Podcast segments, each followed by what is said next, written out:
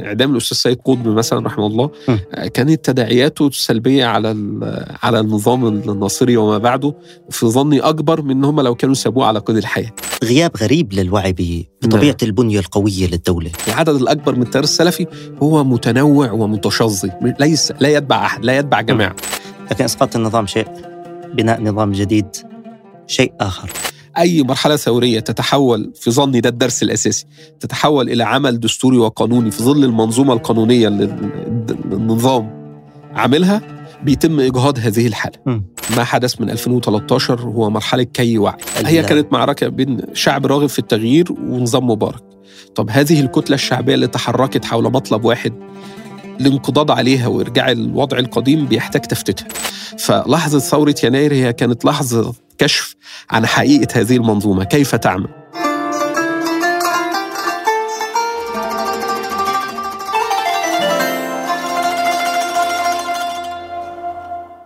مهندس أحمد مولانا الباحث والكاتب في حقل الدراسات الأمنية والاستراتيجية وأيضا في حقل الحركات الإسلامية الجهادية خصوصا عضو المكتب السياسي للجبهة السلفية. يا مرحبا بك. يا مرحبا بك يا مرحبا. أه تشق طريقا في حقل الدراسات الأمنية. هذا الحقل الذي كان تقريبا غائبا عن الساحة. الحركات التغييرية التي شاركت في الثورات العربية ربما لم تكن تعرف الكثير عن هذه المنظومة السياسية والأمنية في للدولة العربية. أه كتبت عدة دراسات نوعية الحقيقة في هذا المجال. العقلية الأمنية جذور العداء دهاليز الأمن المركزي وغيرها من الدراسات. برأيك لماذا على الحركات التغييرية أن تفهم الذهنية الأمنية والبنية الأمنية للجهاز السياسي للدولة. ما الذي يعنيه ذلك وما أهميته؟ طيب بسم الله الرحمن الرحيم. يعني أنا في ظني ده مرتبط باهتمامات الواقع نفسه. م. إحنا الواقع الذي نحيا فيه وتحيا فيه الأمة الإسلامية وبالأخص الأمة العربية خلال مرحلة ما بعد الحرب العالمية الثانية تتعامل فيه مع أنظمة آه، استبدادية فمكون أساسي في هذا الاستبداد هو المنظومة الأمنية. وده تجلى بشكل كبير بعد ثورات الربيع العربي. يعني لم يك... من لم يكن ينتبه لذلك خلال العقود السابقة بعد الربيع العربي. شفنا إزاي هذه الأجهزة هي التي يعني حملت راية مواجهة الثورات والانقضاض عليها والبطش بيها والتنكيل بمن شاركوا فيها. فبالتالي فهم كيف تحكم هذه الأنظمة دولنا العربية وفهم المكون الأمني الذي يمثل العقلية والذراع الباطش لهذه الأنظمة شايف أن ده بيمثل أولوية. من أجل إحداث التغيير المنشود إحنا يعني العالم كله بيتطور وينتقل إلى أنظمة فيها نوع من أنواع الحكم الرشيد.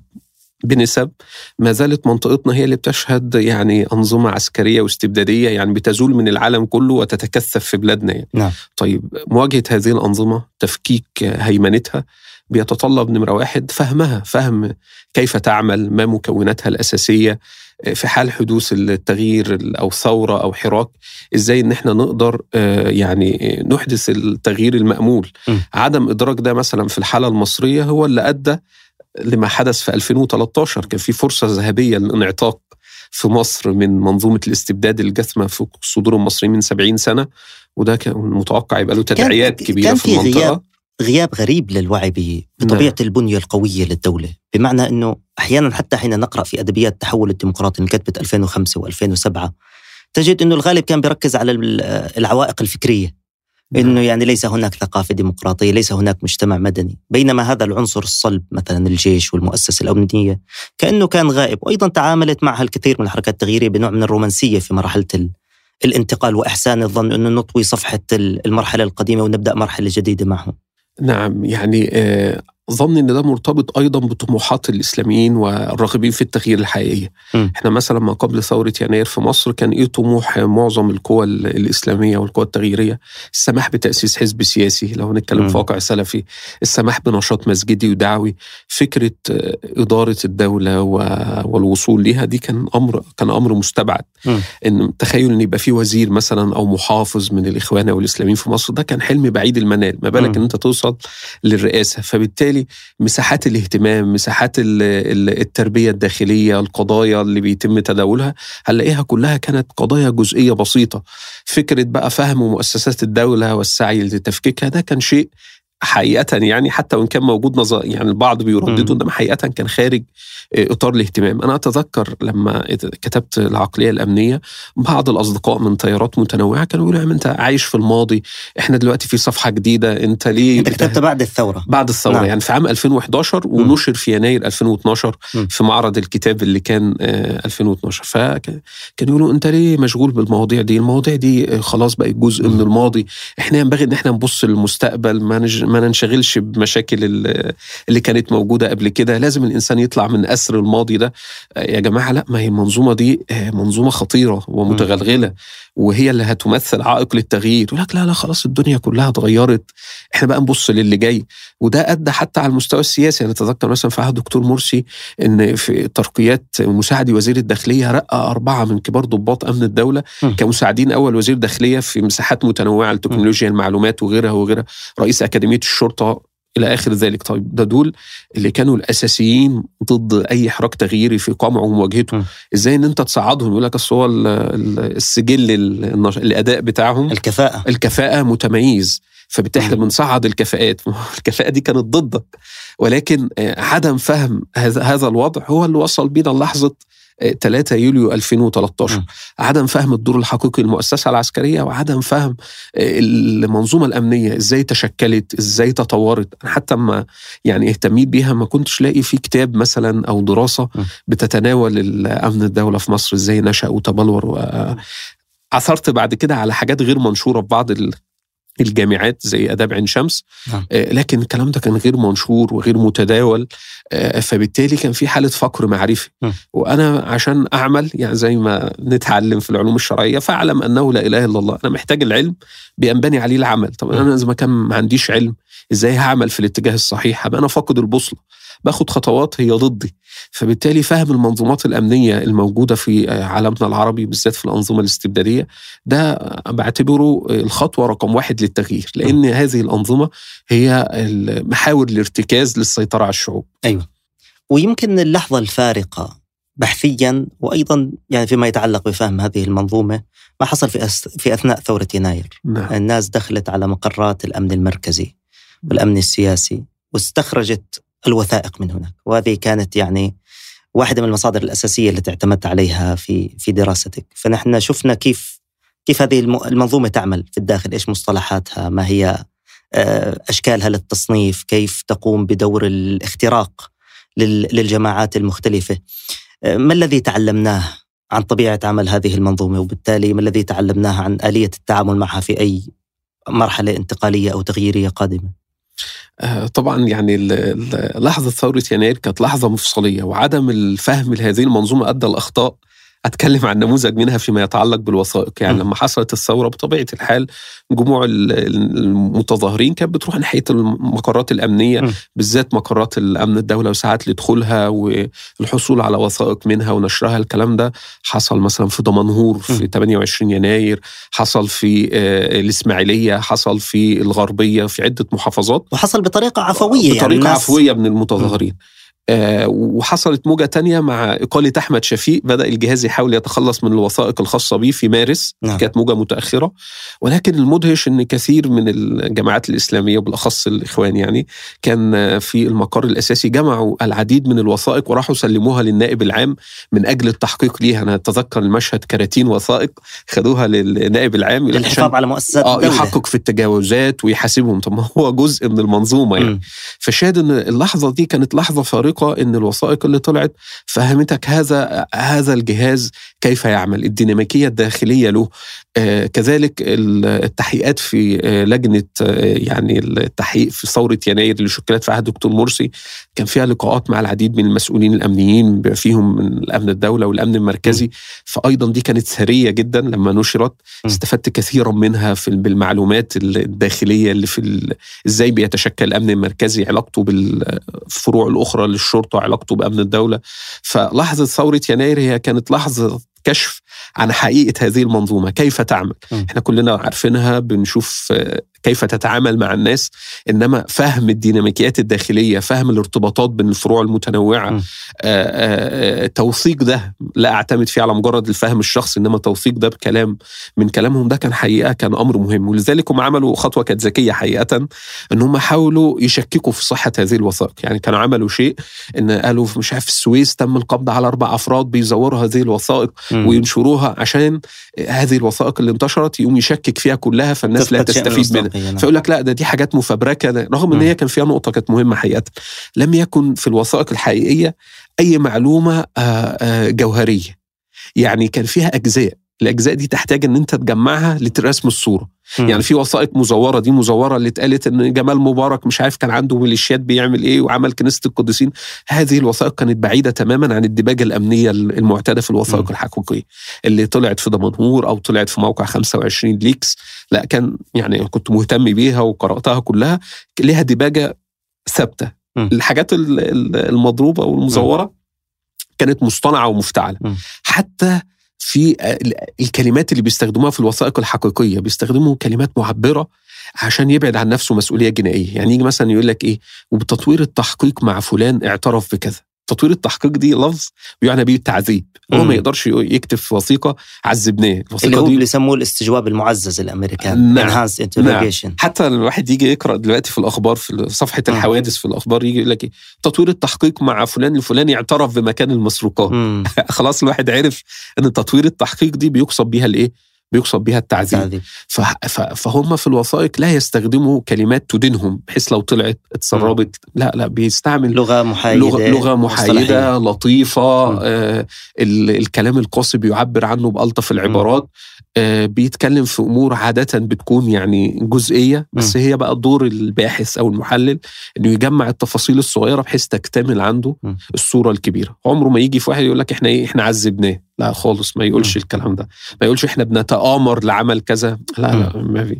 ده من أجل الحفاظ على الصالح العام للدولة. أيوة. يا- مواجهه العناصر الاثاريه والفوضوية. مم. آه، يرجى عمل كذا كذا كذا. تمام؟ فتقرأ الكلام تلاقيه يعني إيه متستف وكلام آه، يعني إيه في إن هو حريص على الأمن. مم. مفيش فكرة إن نفجر ونعمل. وندمر. الكلام ده ما بيبقاش موجود. في الوثائق الأمنية. مع كل ضخامة هذا الجهاز الأمني وتعدد مؤسساته لم يتوقع ثورة 25 يناير. هذا ما الذي يقوله يعني هذا الجهاز الذي كان بالوثائق أثبت اختراقه لبعض الحركات والدعوات والتيارات آه، قدرته على السيطرة على على بعضها تغيير الرأي العام والتلاعب فيه تغيير الخريطة الدينية وانتشار بعض الأفكار ومواجهتها. كان في استراتيجيات متطورة نسبيا يعني لكن مع ذلك لم. لم يستطع أن يتوقع حركة اجتماعية بهذه الضخامة. ده حقيقي. آه، تقديرات اللي حسن عبد الرحمن كرئيس جهاز أمن الدولة قبل 25 يناير. اللي هو اعترف فيها في لجنة التحقيق في أحداث الثورة. قال إن كان تقديراتهم إن عدد المستجيبين للأحداث في 25 يناير هيكون 5000 فرد. وحتى جمعة الغضب توقع إن ينزل 5000 فقط. فبناء على ده رسموا الخطة الأمنية للتعامل مع حدود 5000 ففوجئوا بالاعداد الضخمة اللي كانت موجودة. وظني إن ده مرتبط بشقين. الشق الأول هو تغول نشاط الجهاز. يعني لما الجهاز بيشتغل في محاور كتيرة جدا.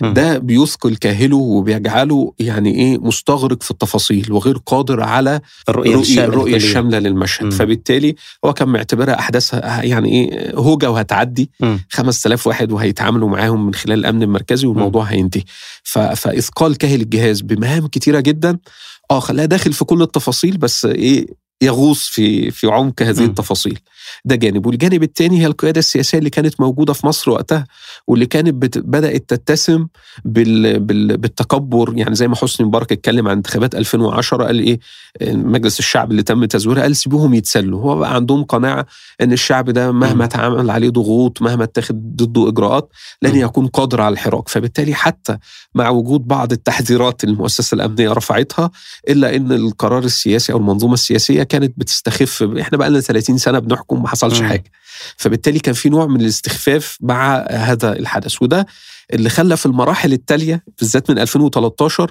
إن النظام الحالي بيستنفر نفسه واجهزته ضد أي دعوة للتظاهر. يعني ممكن نلاقي حاجات بسيطة إحنا بقى شايفين مش هيحصل حاجة تلاقيه يعني إيه حاشد كل الأجهزة وحاشد كل م. القوات لأن هو الدرس اللي خده من يناير إن ال ال الشيء اللي ممكن تستخف بيه ممكن يتحول لحدث جماهيري ضخم فيقلب الأحداث. أي دعوة للتظاهر محمد علي مش عارف انتفاضة الغلابة في 2016 آه، دعوة الجبهه السلفيه عرف بانتفاضه الشباب المسلم 2014 حشود امنيه مهولة كانت م. في الشوارع. ليه هو خلاص أصبح ده بالنسبة له الدرس إن ينبغي التعامل مع أي دعوة للحراك بشكل يعني جدي جدي بشكل كامل آه ك يعني درس استفادوا من 25 يناير. وأنا أظن إن المنظومة الأمنية في مصر حقيقة بالتحديد من بعد حسن أبو باشا آه لما ترك وزارة الداخلية في 84 بتعاني من إشكال حتى هو ذكره في مذكراته يعني. حسن أبو باشا كان بيقول ده اسمه أمن سياسي.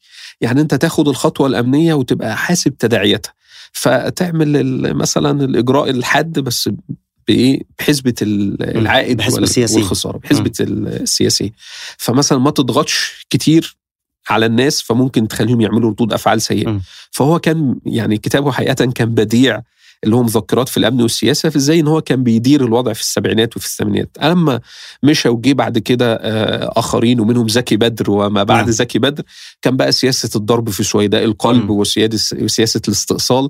والسياسة دي حقيقة هي ممكن تعمل نجاح مؤقت ومتوسط بس هي بتراكم أسباب الغضب والانفجار عند الجماهير. ف تأتي أحداث بعد كده بتكون مفاجأة مفاجأة للناس. ما إحنا بقالنا 20 سنة بنعمل الأسلوب ده والناس ساكتة. ما هو أنت حتى تضغط تضغط زي فكرة الإناء اللي بتغلي بيغلي بيغلي بيغلي. فهو هو مش باين حاجة خارجه بس ما هو في حالة غليان أنت بتضغط عليه بتولع فيه بتسخن فيه. بعدين بيجي فجأة تلاقيه يحصل ليه الانفجار. فمنظومة في مصر حقيقة بتفتقد للحس السياسي وتقدير إيه اللي يعملوه وايه اللي ما يعملوهوش وبتعتمد على فكرة إن القمع هو يعني ده إيه اللي بيخوف الناس. وهي شايف إن دي حسبه خاطئة يعني. هي حسبه خاطئة وأثبتت الكثير من التجارب إنها حسبه خاطئة بمعنى إنه دفع دفع الناس إلى درجة قصوى من القمع أيضا سينتج ردود فعل آه، كبيرة على المدى المستقبلي. في حين ربما ونحن لا نقدم لهم نصيحة بهذا الخصوص. تكون سياسات ناعمة أو سياسات قادرة على الاحتواء والاستيعاب والتجذيب تكون أكثر نجاحا. نعم. وبالتالي تجد مثلا بعض الأنظمة مثل النظام الإسرائيلي مش يعني لأسباب إنسانية لكنه يمارس نوع من الاعتقال والتعذيب المدروس والممنهج بهدف الحصول على معلومة نظيفة ولا يريد أن يعذبك تعذيبا تعترف معه باللي عليك واللي ما عليك لأنه هذا غير مفيد أمنيا. لكن يبدو أنظمتنا يعني آه، وهذا جيد نوع منه مرده إلى الغباء. لكن نوع منه هنا ما أريد أن أسألك عنه يعني عناوين الكتب تشير إلى أن هناك عقلية أمنية وجذور ما للعداء بمعنى أنه هذا النظام تشرب منظومة معادية لهذه الحركات التغييرية والإسلامية بأشكالها المختلفة. وأصبحت جزء من بنيته الأيديولوجية والنفسية. وهذا يتعلق بظروف نشأتها مثلا في الحالة المصرية مع الاستعمار البريطاني وأيضا يعني بنوع الأيديولوجيا التي التي اعتاد عليها. هل هذا يجعل هذه الأنظمة عصية على الإصلاح في أي مرحلة انتقال؟ وبالتالي يجب يعني آه البداية من الصفر مثلا يعني؟ يعني الواحد من خلال القراءة في المنظومة المصرية تحديدا آه، أنا مقتنع أن المؤسسات بتتأثر بظروف النشأة والبنية والفكر والثقافة اللي, اللي تأسست بناء عليها. إحنا لما نيجي نرجع للتاريخ المصري هنلاقي أن تأسيس أول جهاز بشكل ممنهج للأمن السياسي في مصر كان في 1910 بعد حادث اغتيال بطرس غالي كرئيس الوزراء باعتباره أنه كان يعني قام ببعض الخطوات كان عايز يعمل مد امتياز قناة السويس كان يعني دوره في دنشواي قبل ذلك. نعم. فكان جمعية التضامن الأخوي دي منبثق المنطقة على الحزب الوطني محمود إبراهيم الورداني أحد أفراد اغتاله فالإنجليز أسسوا جهاز من أجل حماية المسؤولين السياسيين المصريين المتحالفين مع بريطانيا. بعد ثورة 19 دي كانت مفاجأة الإنجليز كانوا بيعتبروا أن مصر غير مؤهلة لحدوث ثورة شعبية. شافوا أن الجهاز أو دوره كان دور قاصر وأنه كان غير قادر على التنبؤ بحدوث ثورة فعملوا آه، هيكلة وعملوا قسم اسمه القسم المخصوص ووضعوا له عدد من محاور العمل هدفها كله التنبؤ بحدوث حراك شعبي وإجهاضه بشكل مسبق. وظل ده الأساس كل التشكلات منظومة الأمن السياسي المصري بعد كده هي مبنية على المحاور اللي اتحطت في عام 1919 م. بعد آه، ثورة آه، الثورة اللي حصلت آه، في في وقتها نفس محاور العمل آه، متابعة خطب الجمعة متابعة مشايخ الأزهر الأحزاب والجمعيات السياسية الموجودة الموظفين في الحكومة وآرائهم وخياراتهم السياسية آه، التجمعات أو المجموعات المناهضة للملكية أو للبريطانيين. ده الثقافة ظل يشتغل عليها من 1919 هذه المنظومة لغاية 1952 طب لما جه عبد الناصر هو فكك هذه المنظومة ولكن بعد كده آه، استعان بكثير من الضباط اللي كانوا بيعملوا في المخصوص مع مع يعني خشيته من وجود توجهات داخلية معارضة له رجعهم تاني إلى جهاز ال ال كان اسمه وقتها المباحث العامة نعم. هنلاقي آه، مثلا واحد زي حسن طلعت ده كان رئيس الجهاز في عهد عبد الناصر آه، من 65 ل 71 64 قد يكون كمان اللي أشرف على قضية 65 مع سيد قطب وكده هو شغال في الجهاز من 39 في الشرطة وفي المنظومة. تتلمذ على إيد سليم زكي اللي تتلمذ على إيد البريطانيين. ففي ثقافة تشربها هؤلاء وحبيب العدلي دخل الجهاز في 65 تتلمذ على إيد حسن طلعت. م. ففي امتداد لأفكار وثقافات ومفاهيم بترى إن مثلا الجمعيات الوطنية الجمعيات الإسلامية دي بتمثل خطر على مصالح الدولة على مصالح البلد. فبالتالي لابد من مواجهتها. ف... ف... ده الأساس اللي أسست له المنظومة. ما أسستش في الأساس م. لحماية مثلا المصريين من التوجهات المناهضة ليهم. لا هي مرتبطة بالنظام الحاكم وبالأخص النظام المرتبط أو له علاقات خارجية. أو بالتعامل مع الخارج مع الخارج. الاجنبيه يعني أتذكر حتى نائب رئيس المخابرات عبد الفتاح أبو الفضل له كتاب اسمه كنت نائبا لرئيس المخابرات بيتكلم لما مسك الجهاز في عهد عبد الناصر فوجئ في السنتين الأوائل يعني إن ضباط الجهاز اللي من العهد الملكي بيرفعوا للقيادة تقارير وبيبعتوا للسفارة البريطانية في مصر نفس التقارير. فبيقول لهم إيه اللي أنتوا بتعملوه ده؟ يعني إزاي ده؟ قالوا لا ما إحنا شغالين على كده من زمان يعني. فقال لهم يعني أنت بترفع لمجلس قيادة الثورة في عبد الناصر بترفع له التقارير وتبعت نسخة للسفارة البريطانية؟ قالوا آه. إحنا شغالين على كده بنبعت نسخة للملك قبل كده وللسفارة فاحنا مع التغيير بنعمل نفس الأمر. فقال خدوا إجراء بإيقاف الكلام ده وبعد كده لقوا في وثائق إن كثير من العاملين في هيئة أركان الجيش وفي منظومة المباحث العامة من الناس السابقة كانوا مرتبطين ببريطانيا وبيبعتوا لهم التقارير اللي بيعملوها. فدي كانت حاجة هم شايفينها حاجة عادية. مش مش خيانة مش جريمة ما هو بقاله 30 سنة بيعمل وهذا كده. اللي بقول إنه أجهزة الأمن بالضبط. هذه ليست أجهزة وطنية بمعنى سياسي وأهم من ذلك إنه كل هذه الترسانة من الأسلحة بما فيها الجيوش ما شاء الله يعني هي تستهدف القمع الداخلي وليس الدفاع عن بالضبط. عن الوطن لذلك مثلا ما حصلت الثورة في آه. مصر وجي دكتور مرسي هذا الجهاز لم يعمل معه يعني كان في تصريح نائب رئيس الجهاز لواء آآ آآ يعني كان ماسك فرع 6 أكتوبر بيطلع حاليا كمحلل سياسي يعني احاول أتذكر اسمه حاليا. م. كان بيقول إن إحنا كان له تصريح شهير إن إحنا كنا بندي مرسي معلومات غلط. أما بيطلب معلومات عن حاجة بندي له معلومات غير صحيحة. ليه هو بيرى إن هذا الشخص اللي الشعب اختاره ده مش لا ينبغي إن أنا أديله هو لازم يبقى من المنظومه بتاعتهم عشان وبالتالي لا, لا يكفي صحيح. تغيير القيادة السياسية بالضبط. حتى يخضع غير, غير كافي لازم يصير تغيير عميق فيه. آه مرتكزات موجودة من يعني إيه من 100 سنة تاسست في ظل الاحتلال ولها ثقافة ومفهوم معين. فبالتالي فكرة الإصلاح إن أنا أغير مثلا مجموعة من القيادات وأجيب قيادات بديلة الكلام ده حقيقة بيكون غير ناجح لأن هي ثقافة ومؤسسة وخبرة وتشابكات عائلية أيضا. يعني ما هو فلان اللي برتبة ملازم أو نقيب هو ابن فلان اللي كان لواء اللي اتعلم على ايد فلان اللي هتلاقيه في النهاية من عهد الإنجليز. مم. فهو الثقافه اللي تشربها إن أنت مثلا كدكتور مرسي أو أمثالك من الوزراء دول أنت مكانكم السجن. مم. مش مكانك إن أنت تبقى بتحكم أو تدير أو اخد منك تعليمات. وبالتالي حتى على المستوى النفسي لن يتقبل. لن يتقبل هذا الأمر. أتذكر كان في ضابط كان قتل في سيناء محمد أبو شقرة. في عهد دكتور مرسي كان ضابط أمن وطني. كانت الجنازة بتاعته في القاهرة ضخمة. مم. وكانوا بي بيشتموا مرسي ويعني يعني باللفظ المصري بيسبوا الدين لمرسي فهذه المظاهرة كانت مصورة وجت في الفضائيات. م. طب أنت إزاي منظومة أمنية؟ أنت رئيس الدولة والضباط بي بي يعني إيه؟ يعني بيشتموا الرئيس بالدين. ده, ده ده شيء عجيب. ف فالبقاء على هذه المنظومات والغريب أنه لم يعني يتخذ إجراء طبعا ضد هذا الوضع. طيب آه، ف... دعني أنتقل لمفردة أساسية أيضا. في في منظومة الأمن السياسي في بلداننا. وهي تلتقي باندلاع الثورة لأنك شاهدت مظاهرات تونس من مكتب أحد الضباط نعم. أنت ما شاء الله آه، خبرة آه، سجون اعتقلت مرتين قبل الثورة وبعد الثورة. نعم. سنة ونصف هنا وسنة ونصف هناك. نعم.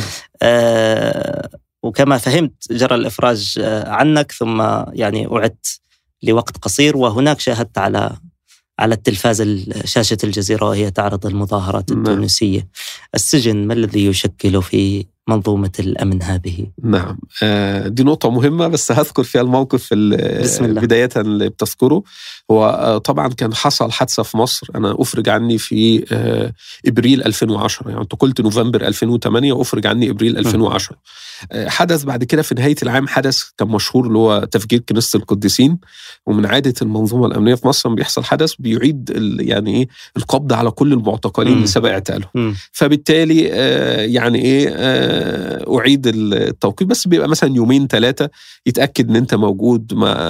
ما سافرتش م- يعني م- إيه الوضع. يشوف أخبارك إيه الكلام ده فكان يعني حاجة روتينية ده إجراء روتيني بعد أي حدث كبير نعم. بيحصل داخل مصر ف... فالكلام ده تم في آه، يناير آه، 2011 آه، في بداية الشهر نعم. يعني ربما مثلا على 9 10 يناير. آه، خرجت قعدت ثلاث أيام تقريبا فأثناء ال- الخروج يعني الضابط وهو بي- بيعمل معاك اللقاء الأخير كان مشغل الجزيرة وفي مظاهرات في تونس وكذا. كانت من هنا دي اللقطة مم. يعني. طبعا تجربة السجن آه، يعني الأولى تحديدا تختلف عن الثانية لأن الظرف العام كان مختلف. آه، بداية كانت التحقيقات كانت قاسية. الثانية كانت أقسى آه، الثانية سنة ونص بعد برضه. نوفمبر آه، آه. 2014 خرجت إبريل 2016 بعد الانقلاب يعني. نعم. ال- الأولى كانت قاسية في التحقيقات قاسية للغاية يعني كان في آه، تعذيب وكده آه، على خلفية أنشطة كانت دعوية في مسجد في المنطقة اللي إحنا. بنقوم بيها يعني أنا كنت مس- مستغرب حتى اللي بيحصل ده بيحصل ليه. ده كان شاغلني يعني يعني يعني ال... كل هذه القسوة ليه يعني مفيش حاجة معينة أنت عملتها مم. تستحق كل ده وحتى هو كان بي بيسألك في النوايا يعني يقول لك بس لما بتشوف ناس فلسطينيين بيتقتلوا كان وقتها أحداث الانتف... يعني مم. تداعيات الانتفاضة ما زالت نعم. موجودة يعني نعم. الثانية لكن لما بتشوف ده انت بتبقى عايز تعمل إيه بتفكر في إيه إيه، ما فكرتش تروح العراق ما ف... يعني انت بتحاسبني على نوايا وأفكار مم. بتحاسبني على شيء بعمله يعني فكانت قاسية. لما رحت السجن ظروف السجن وقتها كانت مريحة كانت جيدة مم. أشبه يعني إيه آه، بمعسكر مغلق. مم. الكتب كانت متاحة الزيارات كانت آه آه، مرة كل شهر بس كانت مريحة ما فيش بهدلة كتير طالما ما فيش مشاكل جوه السجن يعني. طبعا دي عملت للواحد نقلة على مستوى العلاقات وعلى مستوى القراءات في الاثنين أيوه. أنا ما قبل السجن في النهاية أعرف أصدقاء في المدينة اللي أنا فيها وفي ال- وفي الجامعة اللي درست يعني المدينة اللي فيها الجامعة اللي درست فيها. ده م. حدود معارف يعني. آه أنت رحت السجن اتقابلت مع ناس من كافة أنحاء مصر. مم. فهنا بيبقى في شبكة علاقات بتنسج. كبيرة. هي كان يعني آه، يعني بدل ما انت تلف في محافظات مصر هو وداك في مكان كأنك لفيت فيه. وبالنسبة م- لك جاب لك النخبة. آه ملاحظات مصر. بالظبط الشخصيات الفاعله في كل المحافظات. أيوه. فرحت هذا المكان. من سينا المطروح لأسوان. كل ده كانوا موجودين. تاني حاجة هي فكرة التقاء الأجيال. مم. آه، أنا مثلا حدود معرفتي بالتيار الإسلامي سلفيين وإخوان. الناس اللي انت بتتعامل معاها جيرانك زمايلك في الجامعة. دخلت السجن أو المعتقل آه، كان في بعض الناس من الجامعة الإسلامية كانوا رافضين المبادرات كان في ناس من جماعة الجهاد كان في ناس من التكفير مم. الشوقيين في الفيوم اللي ما سمي امنيا باسم النجون من النار يعني كانت بتنحى ناحية التكفير ال- وأجيال بقى من بتوع السبعينات والثمانينات. فكان أنا بهتم بالتاريخ وتاريخ حركات إسلامية فكنت أقعد معاهم م. تسمع منهم تجاربهم آه، إيه اللي حصل فحصل عندك يعني إيه ما كنت تسمع عنه ولا تراه أصبحت إيه سمعته من صانعي الأحداث م. في في أحداث 77 81 وغيرها وغيرها فده عمل عند الواحد نوع من أنواع الثراء المعرفي. وبالتالي و- السجن كان مدرسة بالضبط تاني حاجة كان أنت قاعد فاضي فبتقرأ. يعني أنا قرأت مثلا ال- الظلال قرأت فيه شوية قبل السجن قرأت الخمس مجلدات جوه بس السجن كانوا بيوفروا الظلال. آه، كان متاح في الزيارات أي حاجة. تخش وفي مساجين كانوا قدام بقالهم 20 سنة. عندهم. فبعد موضوع ال- المبادرات وخروج الناس اللي كانت يعني عملت مبادرات بقى رافضين المبادرات الأمن اعتبر إن هم قاعدين في السجن. يعني ان يموت. فكان سامح لهم كأنهم إيه يعني هو عايش بس داخل السجن في اللي أيوة. بيتاجر وفي اللي جايب بضاعة وبيبيعها أيوة. فالكتب كانت متاحة يعني فحتى آه، قرأت مثلا عمدة التفسير للشيخ أحمد شاكر ثلاث. أجزاء قرأته وكنت بدأت في تفسير ابن كثير نفسه قرأت تفسير السعدي قرأت الكثير من ال- الكتب في الفقه والعقيدة الكتب في آه، ال- الإخوان دونوها عن تاريخ الحركة الإسلامية. يعني كانت حقيقة وقتي بقت بقت دي في رياضة حكيت حكيت عن تقرأ. عن بعض الكتب عن تاريخ مصر هي في السجن ال- الاعتقال الأول ولا الثاني؟ الرافعي تاريخ مصر. آه، دي في الثاني. في الثاني آه. في الثاني أنا عرفتها في الأول. أي. يعني كان معايا صديق كان بيقول لي عن تطور الحركة الوطنية. آه، يعني الواحد إيه؟ إيه تطور الحركة الوطنية؟ يعني العنوان ما كانش شاددني أيوة. يعني. بس كان يقول لي ده كتاب مهم ولازم تبقى تقرأه اللي هو مم. أول جزئين من كتب. الرافعي. وبالتالي قرأت سلسلة الرافعي لما خرجت. إنما آه، عشان كتاب جذور العداء ففهم تاريخ مصر. وتطوره قراته له 17 مجلد تقريبا بيغطوا من مرحلة ما قبل الحملة الفرنسية لعام 1959 مم. قرأتهم إنما آه، في المرحلة الثانية قرأت مذكرات سعد زغلول وغيرها من. الكتب ال- ال- اللي كانت بتبقى تاريخ المصريين أو كده بتبقى. رفيعة شوية أو صغيرة سهل تدخل في الزيارات آه، مساجين بيجيبوها فيعني بس كان في في تدليل المرحلة الثانية من الاعتقال بعد الثورة شوية. نعم وبحكم إنه أصبح نشاطكم السياسي معروف و... نعم. وإلى آخره كان كان التعامل مختلف مثلا على مستوى توفر الكتب أو التحقيق أو ظروف الاعتقال آه في المرة الثانية حقيقة يعني التحقيقات كانت تحقيقات رسمية يعني كلمتين كده في التحقيق الأمن الوطني بعد كده رحت أمن نيابة أمن الدولة تحقيق رسمي يعني في المجمل ما كانش في أي بالنسبة لي يعني ما كانش في تطاول ولا إهانة ولا م. كان تعامل يعني إيه آه، نقدر نقول إيه قانوني يعني أيوة. رسمي قانوني ما فيش أيوة. إساءات غير اللي كان في 2008 م. ولكن ظروف السجن السجن في المرة الثانية كانت أسوأ باعتبار الحالة العامة في السجون في أي سجن كنت؟ كنت في استقبال ترى المرة الأولى كان في أبو زعبل شهيد الحراسة ففي. المرة الثانية عدد المساجين كبير جدا إحنا في الأولى مثلا كنا في في العنبر مثلا يوم ما ازدحم بقينا 100 واحد. كان رحت عنبر تاني كنا في 50 60 مم. إحنا في المرة ال- في استقبال في المرة الثانية كان العنبر بس اللي إحنا فيه فيه حوالي 1000 معتقل فعدد ضخم جدا عدد ساعات تريض يا دوب بتطلع تمشي في طرقة كده ضيقة مم. 20 متر طول في متر عرض بتمشي فيها مثلا ساعة ونص ساعتين ده التريض في الأولى مم. كان في ملعب بتطلع تلعب فيه مم. بالثمان ساعات تسع ساعات آه، بات في أي زنزانة كتب متاحة صار عندهم زحمة مساجين آه زحمة وفي. وفي تشديد في التعامل ف... ف... فبالتالي يعني كان الضغوط النفسية والضغوط الحياتية فيها كبيرة جدا نعم. مختلفة عن الأولانية يعني. إنما كانت الفكرة أنت برضو بتعرف ناس من محافظات كثيرة أكثر.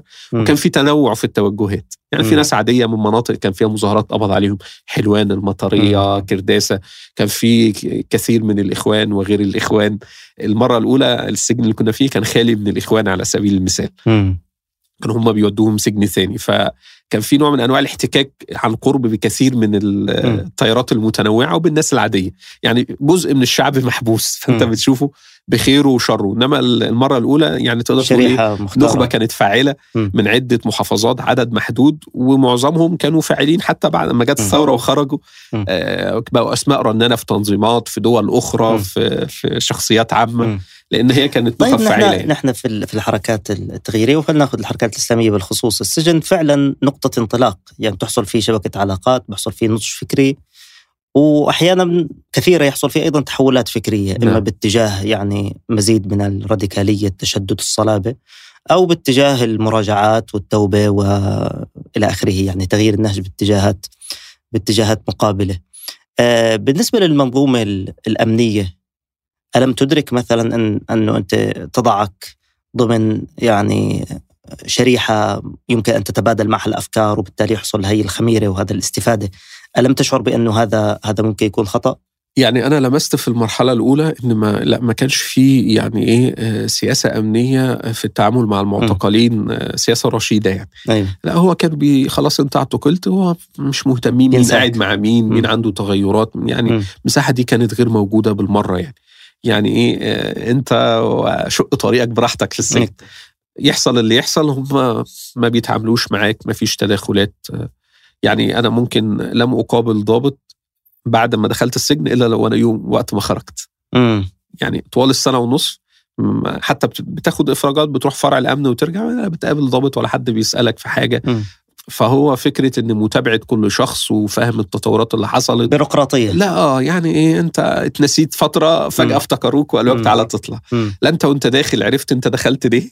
بشكل محدد يعني ولا وانت خارج آه، يعني واضح أنا حتى يعني الضابط سألته وأنا خارج يعني قلت له آه، أنا اعتقلت ليه يعني؟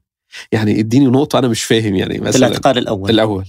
قال لي بص أنت كان عندك آه، آه، بتقرأ كتب مش عارف دكتور صلاح الصاوي ومحمد قطب ومشترك في مجلة البيان. قلت له إيه المشكلة يعني؟ إيه المشكلة في الحاجات دي يعني؟ إيه الإشكال اللي فيها؟ قال لي بص ما هو آه، الحاجات دي يعني بتتكلم عن تحكيم الشريعة وكده. قلت له تمام يعني دي حاجة مثلا حد يرفضها. قال لي لا لا طبعا إحنا كلنا مسلمين كلنا عايزين تحكيم الشريعة. بس القصة دي يعني إيه بتاخدك سلمة دلوقتي مهم تحكيم م. الشريعة. الخطوة الثانية بكرة هتقول لي إيه طب اللي ما بيحكمش بالشريعة حكمه إيه؟ الثالثه هتقول ما بيحكمش بالشريعة ده إيه آه مثلا إيه مرتد ولا كافر. الرابعة هتقول لابد من قتال هذا الذي لا يحكم بالشريعة. فأنا مسكت معاك إيه آه يعني حتة إيه حشيشة. ماليش دعوة بقى أنت إيه آه، بتتاجر فيها هي معاك وخلاص فأنا م. مسكت أنت عندك الكتب دي فاعتقلتك م. طبعا ما ردتش يعني بس هو بعتبر دي نظرة فلسفية خاطئة أصلا هي الفكرة إن أنت متخوف من إن أنت من توصل. لكذا فأنت خدتني من دي وصلتني على إيه مع الناس اللي بتقول في الآخر نظرية خطوات الشيطان هي آه لا فهو خدك من مثلا من المرحلة الأولى أو الثانية. حطك مع ناس في المرحلة السادسة طب ما. هو يعني ده مش ذكاء. في التعامل يعني مم. زي ما تقول كان في جانب بيروقراطي وعدم آه، إن هو يفهم كل شخص إيه المناسب له وإيه اللي. يصلح في التعامل معاه في المرحلة الثانية أو التجربة الثانية الاعداد كانت كبيرة طبعا في كل مدى بيحصل تغيرات في أساليب التعامل يعني ففي المرحلة تحديدا اللي أنا كنت فيها ما كانش في آه، سياسة اللي هي إيه فكرة آه، سياسة واضحة لا. المعتقلين كانوا أو المسجونين من توجهات متنوعة الاوض مخلطة قواضي على بعض. بعد ذلك سمعت إن حصل نوع من أنواع الفصل بقى إيه؟ مثلا يفصلوا القضايا تنظيم الدولة عن قضايا الإخوان عن قضايا السلفيين. إنما المرحلة اللي كنت فيها من 2014 2016 ما كانش هذا الفصل الفكري مثلا موجود. ودي يعني حسب فهمي هي سياسات لها إيجابيات وسلبيات يعني ممكن يقول لك إيه لما نحط اتجاهات متنوعة مع بعض آه، هيقعدوا دايما هم هيصدوا بعض ويبقى بينهم خلافات فده هيعمل إيه نوع من أنواع يعني الموانع الداخلية والإعاقات الداخلية تجاه انتشار أفكار معينة هم هم بعضهم هيقعدوا إيه آه هيقعدوا إيه ياكلوا في بعض يعني ده. بالمعنى العامي يعني. ده ده تصور. طيب لو هو حط آه، تنظيمات بعينها مع بعض ما هو هيعزز من تماسك الناس الفكري الخاصة بالتنظيم مش هيبقى فيه تعرض لنقاشات وأفكار ممكن تشككه في الخط اللي هو. ماشي فيه فربما الفصل تبقى له سلبيات فهو زي ما الدمج من الناس من فصائل متنوعه داخل السجون مم. له إيجابيات له سلبيات والفصل بينهم له سلبيات وإيجابيات فهي يعني في ظني هو بيبقى أمام المعادلة دي بتبقى معادلة يعني بيجرب كده شوية ويجرب كده شوية آه كذلك إن هي بترتبط برضه بالسياق العام إن هو عنده أحداث في الخارج كثيرة ومتنوعة كان في وقتها مثلا مم. لسه في مظاهرات في جماعات آه، بتمارس أعمال مسلحة فهو مهتم بتفكيك هذه الحالة في الخارج. فما كانش فاضي وفايق. للحالة اللي داخل السجن إنه يدير التعامل معها بشكل احترافي. وأنا في ظني يعني إن عبر تاريخ ال- المنظومة الأمنية في مصر هي مش بتتعامل ببعد سياسي يعني زي ما في أحد الكتابات أشرت يعني مثلا إعدام الأستاذ سيد قطب مثلا رحمه الله م. كانت تداعياته السلبيه على على النظام الناصري وما بعده في ظني أكبر من إن هم لو كانوا سابوه على قيد الحياة. آه، ال- الحالة اللي قاموا بيها في 65 آه، أسفرت في السبعينات عن آه، جماعة بقى جماعة الجهاد وجماعة شكري مصطفى وتبلور الجماعة الإسلامية نعم. فهو ال- الضغط الشديد وغير المحسوب بعد فترة بتكون تداعياته مش يعني إيه آه، و- وغير قادر على التحكم فيها يعني. طيب اليوم الستين ألف معتقل نعم. حسب هيومن رايتس واتش والسجون السيسي ما الذي يحدث معهم؟ يعني التحول إلى أين يمكن أن يذهب؟ باتجاه نوع من المزيد مثل ما قلنا من التصلب والتشدد والعداء لل- للنظام والدولة ولا بالعكس باتجاه نوع من الانهزام والتحطم آه، الداخلي؟ يعني أنا في ظني إن تجارب السجن الطويلة بتكون مؤذية للفرد يعني م. آه، ما حدث في تجربة الجماعه الإسلامية من حبس بعض الناس من 81 وبدأوا يطلعوا في 2005 2006 وبعض في 2011 لا كان يعني بيؤثر أنت كشخص لما تغيب 10 سنين أو 20 سنة تطلع بتلاقي حياتك حصل فيها تغير مم. إنما آه، آه، ال- التداعيات الغير محسوبة بتكون على الإجيال الأكثر شبابا مم. مش على ال- الأشخاص ذواتهم اللي تعرضوا للمحنه. آه، فبالتالي أنا ظني إن هو بيراهن على فكرة إن الناس آه، يعني تسلم زي ما بيقولوا بالمصري العامية تسلم النمر. يعني الناس خلاص يحطم فيها مقومات الإنسانية. آه، يطلع بعد 20 سنة أو بعد 15 سنة الحياة اتغيرت أسر بتكون اتفككت الناس اللي يعرفها بيلاقي ناس كثيرة ماتت وسافرت ورحلت فبيطلعوا في نوع من أنواع العزلة الاجتماعية. صلاح نصر كان له في كتاب الحرب النفسية م. كان يتكلم عن أساليب غسيل المخ يعني نعم. المعتقلين حقيقه ده ده ده بيطبق آه، ولكن في ظني إن اللي هو يعمل ظروف سيئة ظروف ويربط سيئة. هذه الظروف السيئة آه. إنه أسبابها بتخلي هي الشخص ناقم على. الفكرة اللي أدته أدت بيه للوصول إلى هذه الحالة مم. ظني إن ده توجه بي بي يعني إيه اللي هو بيتم فيه حاليا مع طول المدة، طول المدة في السجن في ظني هو عامل مدمر. يعني حتى أحد الحاجات اللي حصلت في العهد الناصري إن أحداث 65 آه آه انتهت مع موت عبد الناصر في 70 خمس سنين، مم. فبالتالي الناس يعني ما كانش حصل الايه أيوه الانكساره الكبيرة وجه أيوة. السادات عمل آه، سياسة انفتاح حريات وطلع المعتقلين وكذا آخر المعتقلين طلعوا في 74 فمن 70 ل 74 ناس خرجت كان ظروف السجن اتحسنت يبدو من نظريه 70 ال- الزنبرك صحيح إذا بتشد شوي نعم. يعني آه، السادات لكن كان ماهر حقيقه نسبيا في هذا الأمر. آه إنما إحنا دلوقتي بنتكلم في 8 سنين يعني ظني إن طول المدة بتكون له اثار سلبيه على كثير من الناس الله يعجل بال- بالخلاص على كل آمين. المعتقلين آه، آخر سؤال في موضوع السجن هل تتفق أنه الإسلاميين أقل من غيرهم عناية ب- بكتابة مذكراتهم عن السجن؟ يعني في في مرحلة مرحلة السادات ومبارك كان في كتابات كثيرة عن مرحلة السجن آه. في عبد الناصر. يعني تم توثيقها حقيقه بشكل جيد. ولكن الإسلاميين عموما بقى مرحلة السجن وغير السجن عندهم إشكالية في توثيق التجارب. مم. نتيجة بعض الحساسيات من ذكر مواقف معينة من أحداث معينة الناس بتتخوف من أنها تؤدي لمشاكل بين الأفراد مم. ال- أنها تكشف بعض التفاصيل. ربما تستفيد منها آه، أجهزة آه، يعني معادية مم. فبالتالي فكرة توثيق التجارب ذاتها آه، أنا شايف أن ما- مرحلة ما بعد عبد الناصر يعني الإخوان وثقوا لتجربة الخمسينات والستينات بشكل جيد نعم. عشرات الكتب أحمد آه، آه، عادل عبد المجيد أحمد آه، عادل كمال أحمد عبد المجيد ال- ال- محمود عبد الحليم. يعني آه زينب الغزالي. آه الثرى أستاذ المهندس الثروي يعني كل مم. الناس دي وثقت للأحداث إنما ما بعد كده مثلا لو من 81 كم واحد كتب عن أحداث 81 آم، بتاعت السادات عن تجربة السجون في التسعينات الجماعه الإسلامية عن تجربة المبادرات وما بعدها عن هتلاقي يعني حاجات محدودة جدا لأن آه حصلت مشاكل الناس ما بتبقاش حريصة إن هي إيه يعني بتعتبرها جروح هي حريصة إنها لا تفتحها مجددا نسيانها وتبقى آه بتحرص إنها تقفل على المواضيع دي. فدي يعني شيء في الأجيال الحالية من الإسلاميين حقيقة. وربما آه، الظرف العام برضو مش مساعد. يعني أنا ظني إن أجواء الانفتاح بعد 2011 لو كانت استمرت كانت تشجع الناس على الكتابة خلاص أنت مش خايف من تداعيات أو. تبعيات. في أجواء فيها قدر من الحرية فقول اللي حصل. إنما ما حصل 2013 أجواء القمع بتخلي الناس متخوفة م. وظن إن جزء من توثيق الإخوان لتجربة الخمسينات والستينات كانت أجواء الانفتاح في السبعينات في عهد السادات بل حتى السادات. كان حريص إنه يدين. ما حصل في العهد الناصري اعاد حبس صلاح نصر تاني في قضية تعذيب آه، مصطفى آمين. آه، في كان في قضايا تعويضات كبيرة فأجواء الانفتاح برضه بتشجع الناس على الكتابة. فظني إن الظرف الحالي هو ظرف غير مواتي كذلك الثقافة اللي بقت موجودة اللي هي ثقافه السرية والتقفيل على الأحداث وعدم روايتها رغم أهميتها في توريث التجارب حقيقة. طيب مهندس أحمد ما شاهدته على الشاشة في مكتب الضابط هذه المظاهرات التونسية؟ انتقلت حماها إلى إلى الشارع المصري 25 يناير. الناس نزلت من مختلف الفئات. كانت ملتحمة جميعها كل هذه الجماهير على مطلب واحد الشعب يريد إسقاط النظام.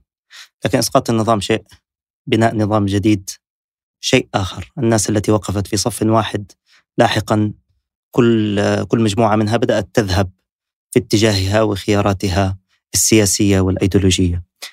قبل الثورة كان هناك آه، اتجاهين كبيرين أو جسمين كبيرين في الحالة الإسلامية. الإخوان المسلمين والدعوة السلفية. وطبعا هذول الجسمين حتى في الانتخابات البرلمانية هم التي اللي حصلوا على أكبر الأصوات يعني. في أثناء الثورة وما بعدها بدأ يظهر اتجاه جديد ربما يصح أن نسميه سلفي ثوري. آه، تشكلت الجبهة السلفية وكنت عضو سياسي فيها ثم تشكلت تفرعت منها بعض الأحزاب السياسية. كنت متحدث باسم الشعب باسم حزب الشعب في ذلك الوقت. وإضافة لمجموعات أخرى ربما انتمت إلى ذات التيار. ووجدت جميع هذه المجموعات في حازم صلاح أو إسماعيل المرشح المناسب لخطابها. أنا أعتقد أن هذه الظاهرة لم يسلط عليها ما يكفي من الضوء. حتى في الكتابة البحثية أعتقد أنها لم تدرس بما يكفي. هذا الصعود المفاجئ والمستغرب من خارج كما قلت الأجسام الكبيرة المعروفة والمدروسة جيدا. جاء ليعبر عن صوت جديد بخطاب سياسي جديد وأيضا بقاعدة شعبية كبيرة. دعني أبدأ بالسؤال أين كان السلفيون الثوريون قبل ثورة 25 يناير.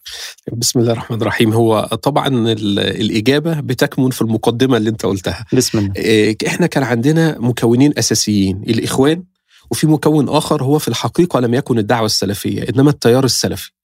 التيار السلفي في مصر هو تيار واسع ومتعدد ومتشعب. الدعوة السلفية هي أحد مكوناته.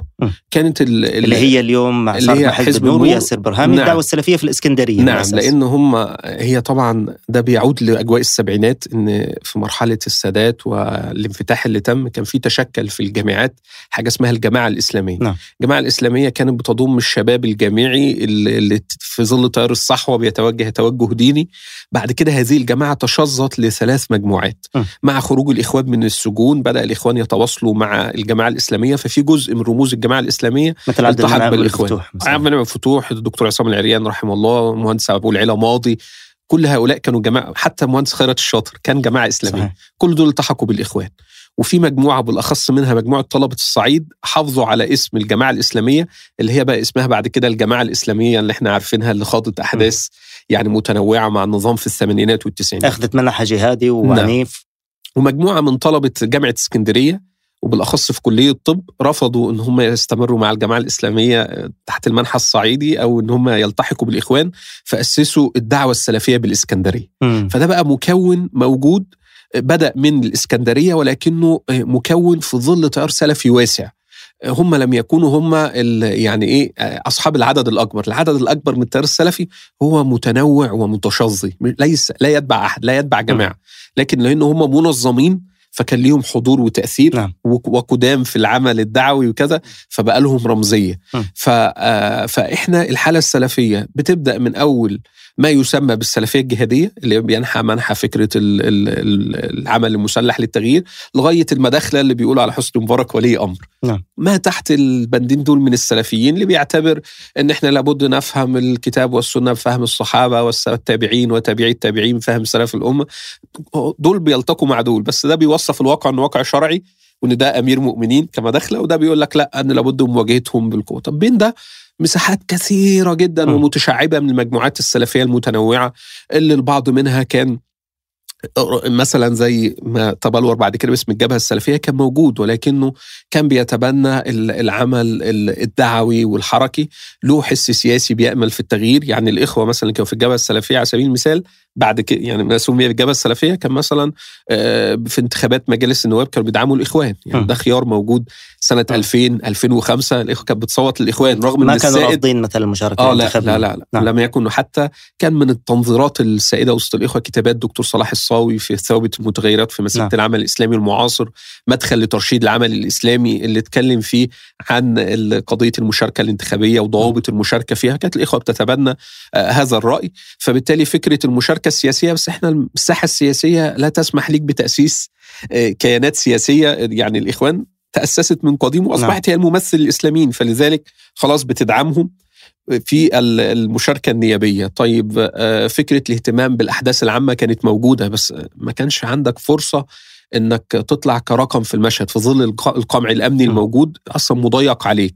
ومسموح لأوساط سلفية أخرى بالعمل وحرية الدعوة والانتشار بالأخص اللي بتتكلم في قضايا تعبدية. حتى قضايا علمية معينة زي علم الحديث إنما التيارات السلفية والمجموعات اللي كان عندها اهتمام بالشأن العام اهتمام سياسي آه، عمل آه، يعني ممكن نقول إيه مجتمعي ده كان بيتعرض لتضييق كبير.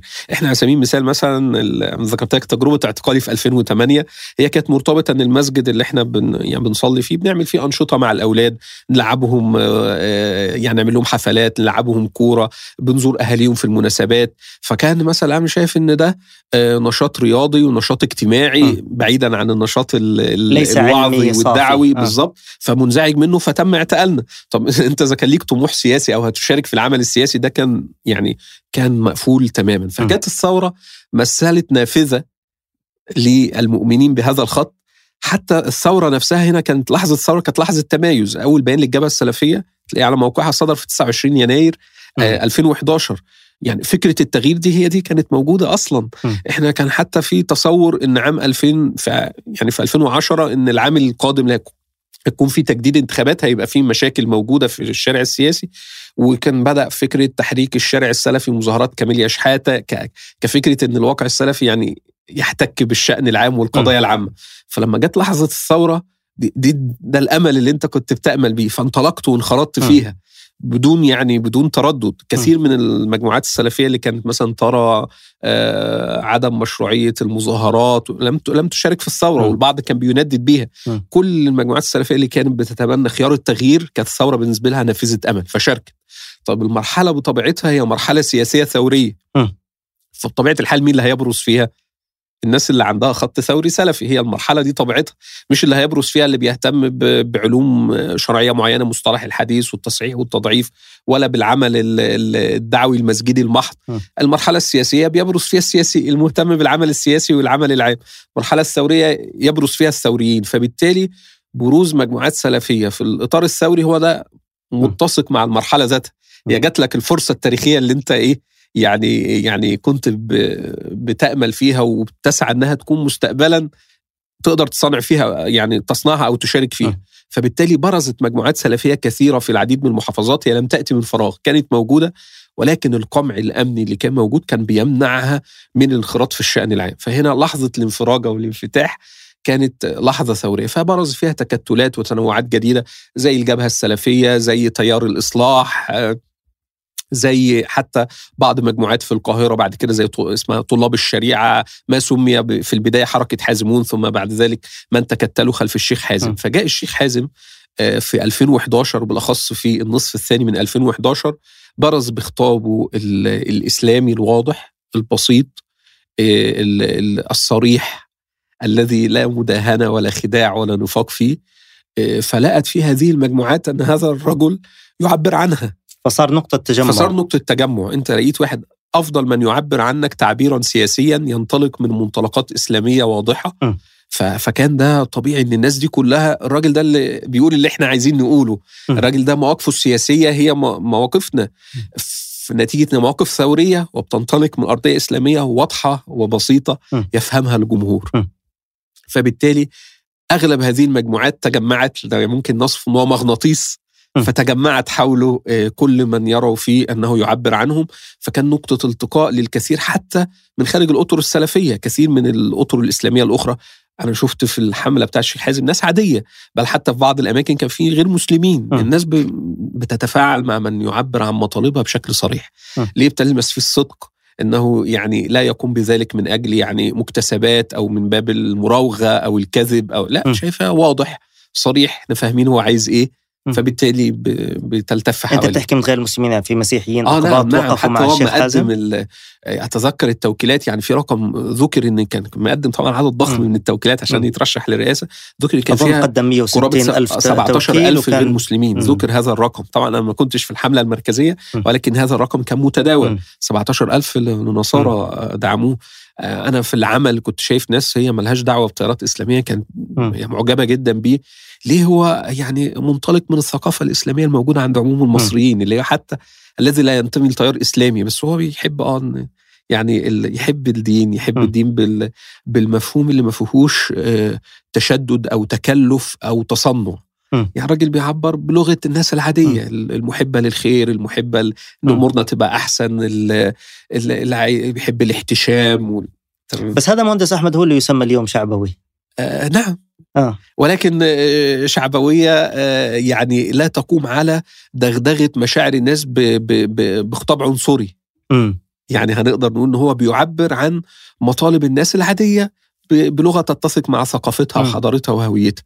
يعني كثر من الإسلاميين مثلا لو اعتبرنا في الواقع السلفي كثر من الناس ممكن بتخاطب أو بتطرح خطابها العام خطاب بيكون علمي آه، آه، بحت بلغة معينة. ممكن رجل الشارع لا يرى فيه آه، ما يعبر عنه آه، مثلا بعض القوى الإسلامية الأخرى مثل الإخوان بيكون خطابها أكثر تسييسا بالمعنى البراجماتي م. آه، حتى في قضايا العلاقة مع النصارى كده ما بتلاقي فيه خطاب ممكن ناس يعني إيه ترى فيه إن هو غير آه، يعني غير واضح أو غير صريح م. آه، أبو إسماعيل الشيخ حازم وهي المفارقة ممكن تكون لافتة نعم. تعلمناها اليوم حتى مع صعود الحركات الشعبوية على تنويعاتها المختلفة وأنا لا أرى أن الشعبوية شتيمة لذلك كانوا يستعملوا زمان جماهيري مثلا نعم. كانوا يستعملوا هي الكلمة عموما آه، يبدو أنه مثلا استراتيجية الإخوان كانت دائما واستراتيجية الك- الكثير من الحركات السياسية أنه هناك جمهور رمادي غير متحيز أو حاول أن أن أقربه نعم بينما الاستراتيجية في المقابل عند الحركات التي توصف بالشعبوية هي نوع من من الوضوح الذي يكتل قاعدة صلبة متينة. نعم. آه، كان يمكن أن ينجح الشيخ حازم صلاح أبو إسماعيل في الانتخابات؟ طبعا يعني إحنا عندنا هنا سياقات محلية وإقليمية ودولية. في مصر كدولة أنا أقصد لو دخل الانتخابات يعني بعيدا آه عن مسألة كتصويت آه. يعني ده بلسان مصطفى بكري يعني آه، يعني ال- هنسمي يعني مع عذرا يعني أبواق المجلس العسكري مم. أما سئل في الإعلام مين اللي هينجح؟ قال حازم أبو إسماعيل قولا واحدا. مم. يعني ده تقدير المؤسسة العسكرية. كان في استطلاعات رأي آه، دقيقة نعم، بهذا الخصوص؟ نعم أنت في الشارع حمالة يعني ملصقاته في كل مكان الناس متفاعلة معاه مم. أكثر واحد من الموجودين في حالة تفاعل كانت ناس مستغربة يعني الناس متيمه بهذا الشخص ليه كده. فكان في حالة تفاعل شعبي كاسحة موجودة معاه. هم تقييم يعني أنا بعتبر تقييم الخصم كمصطفى بكري ولا؟ يعني الف الإعلام قولا واحدا حازم أبو إسماعيل اللي هينجح. مم. وكان نجاح هيبقى فيه اكتساح يعني مم. فبالتالي آه، وهو مع الكاريزما الإعلامية اللي بيتمتع بيها وقدرته على إقناع الجماهير تاريخه بحكمه يعني. كونه شيخ وتحدث على التلفزيون ووالده إلى آخره صحيح عنده عنده رصيد نعم. بنى عليه ولكن هو أيضا كان خطاب ثوري واضح فكان الظرف مواتي له نعم. يعني أبو إسماعيل لو جه في المرحله الحالية بيطرح هذا الخطاب ممكن الجماهير ما تتفاعلش إنما أجواء انفتاح وأجواء ثورية الناس بتتفاعل مع الزعيم الثوري اللي بيقدم رؤية بتحرك الجماهير و... و... وعنده كاريزما في الخطاب ومهارة إعلامية مم. فكان الظرف مواتي يعني هو أنجح من عبر عن خطاب يواكب هذا الظرف مم. فبالتالي دي كانت لحظة تاريخية اللي اللي ينجح فيها أمثال حازم. أبو إسماعيل. وظني ان إن نجاحه كان هيصعب الانقلاب عليه بالشكل اللي حصل مع دكتور مرسي لأنه كان بيرسخ جماهيريته ويبقى فيه يعني حراك شعبي, شعبي. أوسع من الإس... أوسع من الإسلاميين. يعني الدكتور مرسي اللي, اللي وقف معاه الإسلاميين الخلص و... والتنظيميين والحركيين مع بعض الناس. مم. إنما أبو إسماعيل كان هيقدر وليس فقط مع بعض الناس يعني هناك شرائح واسعة آه الإعلام تمكن من شيطنة الإخوان في أعينها بالضبط. كان ده صعب يتعامل مع حزب أبو إسماعيل. لمهارته الإعلامية ولخطابه وقدرته على كسب قلوب الجماهير. آه، دي كانت نقطة حقيقية. يعني أنا م- طبعا دكتور مرسي له موقف يعني في رفض الانقلاب يعني بطولي وثباته في السجن. ولكن المرحلة اللي هو كان بيحكم فيها خطاباته كنت أتفرج عليها يعني إيه يعني ممكن تطلع في الخطاب تبقاش عارف يعني هو إيه هو إيه الرسالة الأساسية اللي عايز يوصلها. مم. يعني بيعالج مشكلة يقدم فيها آه، يعني آه، حل ممسوك. حازم. أبو إسماعيل كان بيطلع اللقاء يجيبوا له أبرز المذيعين اثنين وثلاثه معاه في الحوار يطلع كسبان. يطلع الناس متفاعلة معاه. فبالتالي هو كان بيكرس لحالة آه، كان صعب الانقضاض عليها آه، إلا إن البلد يحصل فيها احتراب أهلي فبالتالي قطع الطريق عليه من البداية كان هو ده الخيار. الأكثر عملية وده اللي المؤسسة العسكرية عملته يعني هذا اللي عملته لكن أيضا مر ب- بسهولة أكبر من اللازم في النقل آه، يعني في ظني يعني نظرا لهذه الشعبية ده مرتبط بحاجتين في والله أعلم يعني في تحليلي م. يعني آه، جزء إن كان في بديل يعني المؤسسة العسكرية لما ضيقت على أبو إسماعيل كان في بديل في محمد مرسي في م. عبد المنعم أبو الفتوح في انتخابات طيب الناس اللي هتعترض على استبعاد أبو إسماعيل يعني عشان تفرضه بالقوة ده معناه إن كان دخول البلد في حالة فوضى في حين إن أنا عندي خيار تاني موجود مم. فبالتالي هذا الخيار البديل يعني هم قفلوا هذه السكة سابوا لك يعني منفذ فما صار. الصراع صفري مسار فالناس حسبتها والله إن إيه كثير من الداعمين أبو إسماعيل طيب ما إحنا إيه ندعم بقى مرسي ونحاول ننجحه. أو ندعم هذا عامل. الفتوح في كثير من الأوساط المحيطة به كانت هذه هي الحسبه وهو الشيخ حازم يعني إيه آه لم يرمي بثقه بثقله لإيه لإفساد المشهد يعني هو قبل ضمنيا هذا الأمر.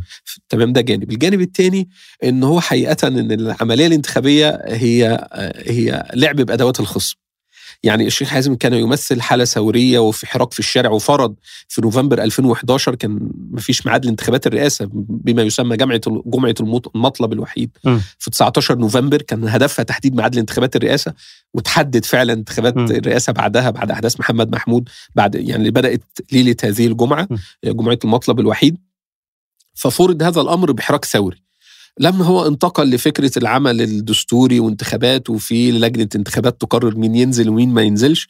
فأنت لعبت بالأداة اللي هي بقى إيه الدستورية والقانونية. ده ملعبه. أنت م. لعبت بيه وهو أقصاك بشكل قانوني. م.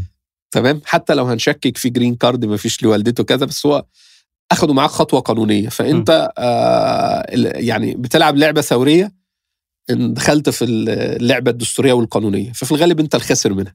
ده يختلف عن إن الحراك يكون حراك ثوري وإن أنت تفرض مطالبك بواقع ثوري يعني الخميني على سبيل المثال في إيران هو استمر في المطالب الثورية وفي الحراك الثوري ولم يقبل بدخول في أي مسارات قانونية ودستورية مع نظام الشاه إلى أن اقتلع النظام من جذوره.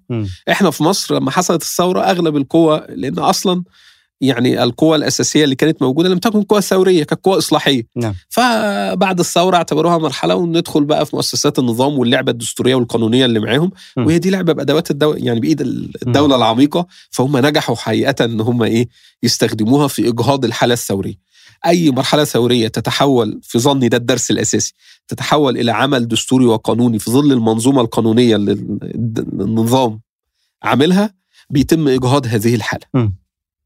يعني مستحيل هذا التغيير يحصل بهذه الطريقة من التحول الطويل. نحن اليوم مثلا نشوف تجربة تجارب متعددة الحقيقة. يعني مثلا في السودان في حصلت محاولة الانقلاب. البارحة كان في مظاهرات مليونية. عاد حمدوك. لكن بنوع من التسوية.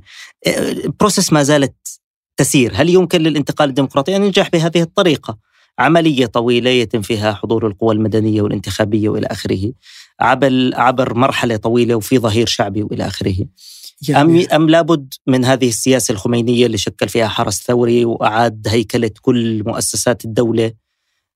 طيب آه، يعني نتكلم هنا بشكل صريح وواضح يعني. بشكل صريح وواضح. هي فاصلة فكرة التغيير من عبر هذا آه، الأسلوب هو ممكن في حالة وجود آه، ضغط إقليمي ودولي داعم للتغيير. نعم. يعني على سبيل المثال في دول أوروبا الشرقية في بعض دول أمريكا اللاتينية كان في تشيلي وغيرها كان في تغيير من خلال المنظومة بس في ضغط دولي وإقليمي على إنجاح هذا التغيير لإقصاء المنظومة الشيوعية بالضبط. فبالتالي ده ناجح إنما في ظل وجود آه، وضع دولي وإقليمي آه، مضاد لعملية التغيير في ظل يعني موقع مصر الجغرافي وعلاقته بأمن إسرائيل والمصالح الغربية في المنطقة لم يكن هناك يعني قبول غربي. ولا إقليمي من المنظومة العربية لحدوث تغيير في نعم. مصر فبالتالي ده ضدك. مع دولة عميقة وأدوات قوية فبالتالي يعني سلوك هذا الطريق هو لن يؤدي لتغيير. وحقيقة لو إحنا نظرنا إلى التغييرات والثورات الكبرى وحرك يعني عملية التغيير في الشعوب كلها التغيير في بريطانيا تم إزاي من ملكية مطلقة لملكية دستورية؟ ده تم بعد احتراب أهلي بين م. أنصار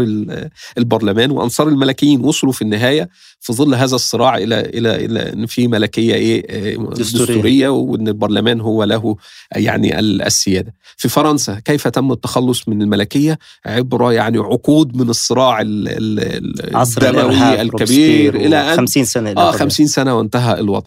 أمريكا كيف استقرت المنظومة الأمريكية الحالية؟ بعد الحرب الأهلية اللي تمت في أمريكا إن المنظومة القديمة كانت رافضة التغيير الذي يريد الشماليون عمله حصل احتراف فالمنتصر فرض المنظومة الجديدة م. الشيوعيين في روسيا كيف حدث هذا؟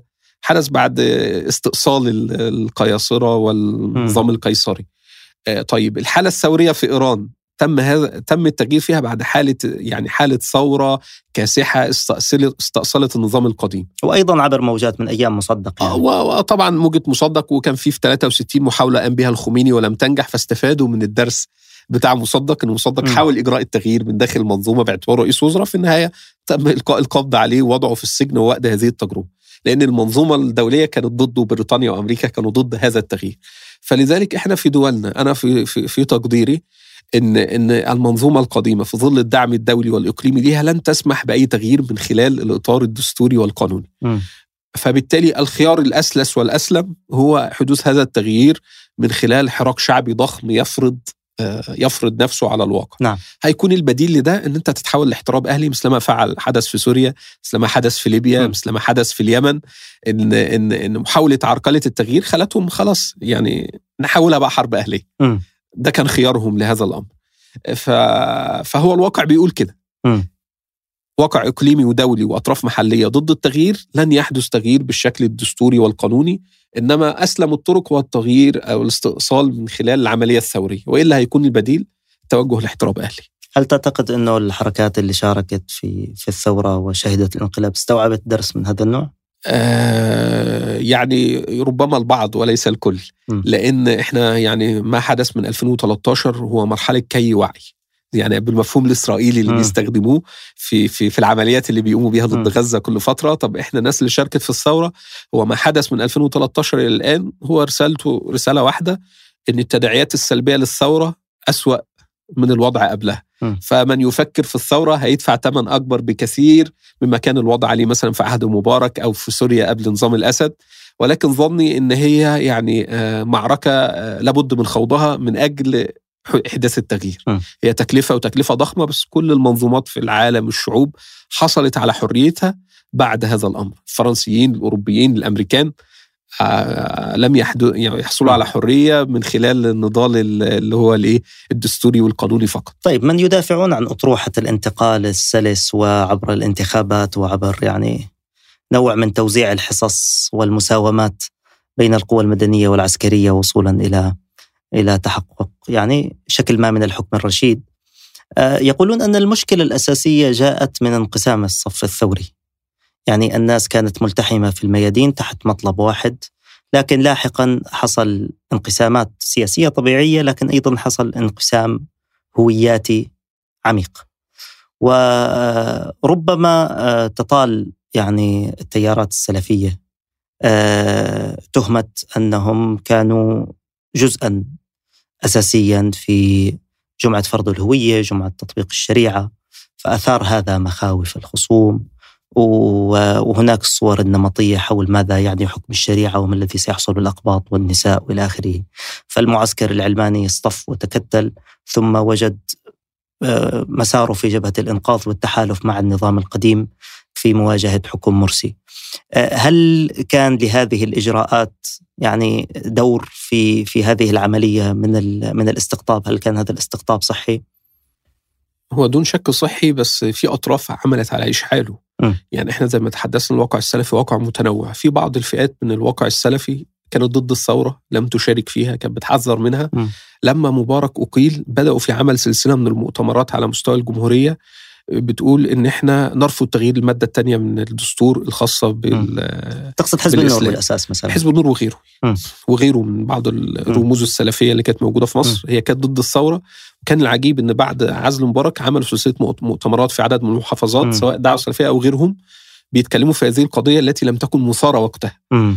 والناس دي برضو موقفها ضد الانقلاب لم يكن رافض للانقلاب. فأنا عندي موقفه مع الثورة. أيوه. كان ضد الثورة وضد الانقلاب لم يبرز له دور ضد الانقلاب إنما برز في مرحلة معينة في طرح قضية المادة الثانية وقت ما كانش حد بيتكلم المادة عنها الثانية المتعلقة بأن الإسلام هو ال- آه بيقولوا نحن سنقاتل عنها ودونها الرقاب ما كانش حد أصلا بيدعو لتغييرها. في مارس 2011 ولا في فبراير 2011 بدأوا في مؤتمراتهم دي من فبراير 2011 م. وأنا في ظني ان ان بعض المؤسسات الدولة العميقة كان لها طرف في تحريك هؤلاء من أجل إثارة هذا الأمر وفي الجهة الأخرى إن الدولة العميقة اثار أرادت إثارة هذا هذا هذا, هذا الموضوع. لإحداث نوع ما أنا دلوقتي الثورة دي مشكلتها بدل ما تصير المعركة مع النظام القديم تصبح بين آه. الفرقاء ال- هي كانت معركة بين شعب راغب في التغيير ونظام مبارك طب هذه الكتلة الشعبية اللي تحركت حول مطلب واحد الانقضاض عليها وارجاع الوضع القديم بيحتاج تفتيتها طب م. تفتيتها ده ان المنظومة الموجودة استخدمت أذرعها في كافة الأوساط فلها أذرع كانت موجودة دون شك في الأوساط الإسلامية مم. بما فيها السلفية ولها أذرع موجودة في الأوساط العلمانية بدأت مم. أيضا تحرك هؤلاء وأن الإسلاميين هيعملوا كذا وأن الإسلاميين هيحولونا لأفغانستان وأن الإسلاميين فبدأت حالة من حالات ال- ال- التكريس هذا الصراع أيضا يعني أنا في يعني ده ده كلام يعني نشره بعضهم في الشهادات يعني اللي كان مسؤول اللقاء مع القوى الإسلامية بالمجلس العسكري كان السيسي وقتها باعتباره رئيس المخابرات الحربية كان بيقول لهم إن إحنا آه إحنا عايزين يعني الشارع يهدى ويتعمل انتخابات ودستور طبيعي إن الناس هتختاركم أنتوا تعملوا الحكومة اللي أنتوا عايزينها وتشكلوا الدستور الإسلامي اللي, اللي كلنا عايزينه ووقتها آه خلاص تاخدوا الكلام ده إحنا عايزين بس الشارع يهدى وكده م. كان بعد كده بيقعد مع القوى العلمانية يقول لهم الإسلاميين وعايزين يسيطروا يعملوا افغانستان يحولوا أفغانستان وإحنا معاكم وإحنا ضد الكلام ده. فبالتالي هنا دي مرحلة التوجيه حتى لو مش بقول إن الناس دي عميلة بس في توجيه م. تم وإن هو بيحتوي الناس دي في الجلسات من الجامعة الإسلامية ومن الإخوان ومن السلفيين. كان لقاءات دورية بتتم بين رموزهم وبين السيسي. آه شيخ حازم. لا ما كان مستبعد. كل القوى الثورية كانت مستبعدة. إنما كان بيحضر الدكتور الكتاتني م. الشيخ محمد حسان الدكتور ياسر برهامي الشيخ محمد عبد المقصود الدكتور محمد يسري. يعني كل هؤلاء كان لهم اجتماعات دورية مع السيسي باعتبارهم رموز الحالة الإسلامية. م. تمام؟ مش باعتبار يعني هو الراجل قوى إسلامية فاعلة فهو بيقعد معاهم. كان بيديهم رسائل طمأنة. آه وهي في الرسالة في الحقيقة كانت رسائل رسائل لتفريق الحالة. ويقعد مع العالمين يديهم أيضا رسائل طمأنة وتوجيهات وإحنا معاكم وإحنا كذا. فده من خلال ده تم ترسيخ قضية الصراع العلماني الإسلامي. وبعد كده تم داخل الصراع الحالة الإسلامية صناعة حالة عداء إسلامي إسلامي. بحيث في النهاية لما وصلنا لمرحلة 30 يونيو بقى الإخوان والبعض حواليهم هم اللي رافضين عزل دكتور مرسي في حين إن حتى الدعوة السلفية وغيرها وغيرها من مقومات إسلامية كانت مع صف 30 يونيو. م. حتى حزب مصر القوية كان داعي لمظاهرات 30 يونيو نعم. اللي كان بيقود دكتور عبد المنعم فتوح فبقت هنا في حالة شعبية يعني تم تعزيزها خلال سنتين ضد الحالة الموجودة بحيث إن حراك الجيش يحظى بالغطاء الشعبي وإن هو يبقى استجابة لمطالب الجماهير ما يبقاش حراك حد وقاسي ضد الرافضين هذا التغيير. فحالة الاستقطاب دي لم تكن حالة ذاتية محضة إنما كانت حالة مصنوعة اجادت المؤسسة العسكرية حقيقة تكريسها وتغذيتها وتنميتها وصولا لتحقيق هدفها. م. وده الدرس يعني مهم يظل إن في مساحات اختلاف، إحنا مثلا في في الحالة الجبهة السلفية كان ليها علاقات ببعض القوى النصرانية على سبيل المثال. م. هو كان بيعتبر أنت عندك قدر من الوضوح والصراحة بس دول طبعا كانوا اللي هم معارضين لبعض حاجات بتقوم بيها الكنيسة في قضايا الأحوال الشخصية والطلاق وكده. أيوة. فكان يعني أما بيعتبر إن أنت في حالة من الصراحة والوضوح بتخلي في أرضية التقاء. حتى بعض القوى العلمانية كانت تقول لك لا اصل أنتوا غير بقية الإسلاميين إحنا حريص على على تواصلات وكذا باعتبار باعتبار أنت إيه عندك مطالب ثورية حقيقية مش بتكرس لخطاب لكن أيضا وعلماني. الجبهة السلفية دعت إلى انتفاضة الشباب المسلم أو اللي عرف بالدعوة إلى الثورة الإسلامية، هذا طبعا في نوفمبر 2014 سنقفز نعم. قليلا المستقبل ونعود. نعم. أي بعد الانقلاب. نعم. ألم تكن مثل هذه الدعوة فيها نوع من يعني هوية واضحة للاحتجاج وليست هوية مثلا يمكن أن تكون جامعة لجميع الثوار في ذلك الوقت؟ طبعا هي دي قضية يعني فيها كلام كتير م. بداية من فكرة هل هذه القضية كان الدعوة كانت مجمع عليها داخل الجبهة ولا لا يعني م. أنا كنت من أحد الناس اللي رافضين الأمر لأسباب موضوعية يعني ولكن الإخوة اللي تبنوا هذا الأمر كانوا بيروا أن خلاص أصلا في حالة يعني إيه اصطفاف تمت في الشارع. أنت مش بتصنع اصطفاف. الاصطفاف تم في 30 يونيو وفي 3 يوليو 2013 نعم. خلاص بقى في معسكر هو داعم للمؤسسه العسكرية والانقضاض على الوضع الموجود وفي معسكر رافض لهذا الأمر. طب المعسكر الرافض ده هل هو معسكر متنوع ولا معسكر له هوية واضحة؟ كان م. الهوية اللي تجمع أغلبه يعني أكثر من 90% منه هي هوية إسلامية. ما كانش في تحالف إسلامي علماني رافض الانقلاب. لا كان هي تحالف بين قوى إسلامية أو ذات مرجعية إسلامية. يعني أكتر الناس اللي كان هنعتبرها إيه آه خطابها حزب الوسط. في تحالف دعم الشرعية. مين الأحزاب الثانية الموجودة؟ كلها أحزاب إسلامية مع حزب الوسط. إنما كل الأحزاب والقوى العلمانية كانت في دعم للوضع الجديد. فأنت كان رأيهم أنت مش بتصنع حالة استقطاب لأن خلاص هي اتصنعت في أيوة. 3 يوليو إنما أنت محتاج إنك تعبر بشكل واضح عن هويتك وإن ده بيدفع كثير من الإسلاميين اللي, اللي, اللي يعني ممكن بيحجموا عن المشاركة في الفعاليات باعتبار انها صراع على الديمقراطية وصراع على السلطة فقط مش على أرضية الهوية الدينية إن هم يشاركوا. كان ده وجهة نظرهم للدعوة لهذا الأمر. اجتهاد نتفق ونختلف فيه في تقييمه في تداعياته في آثاره بس دي كانت رؤيتهم وظني إنها رؤية حقيقية. هي لم تكرس حالة آه، انقسام بل ما كرس حالة الاصطفاف كان اللي حصل خلال آه، من 2011 ل 2013 وكانت صورته الأكبر في آه، عزل دكتور مرسي.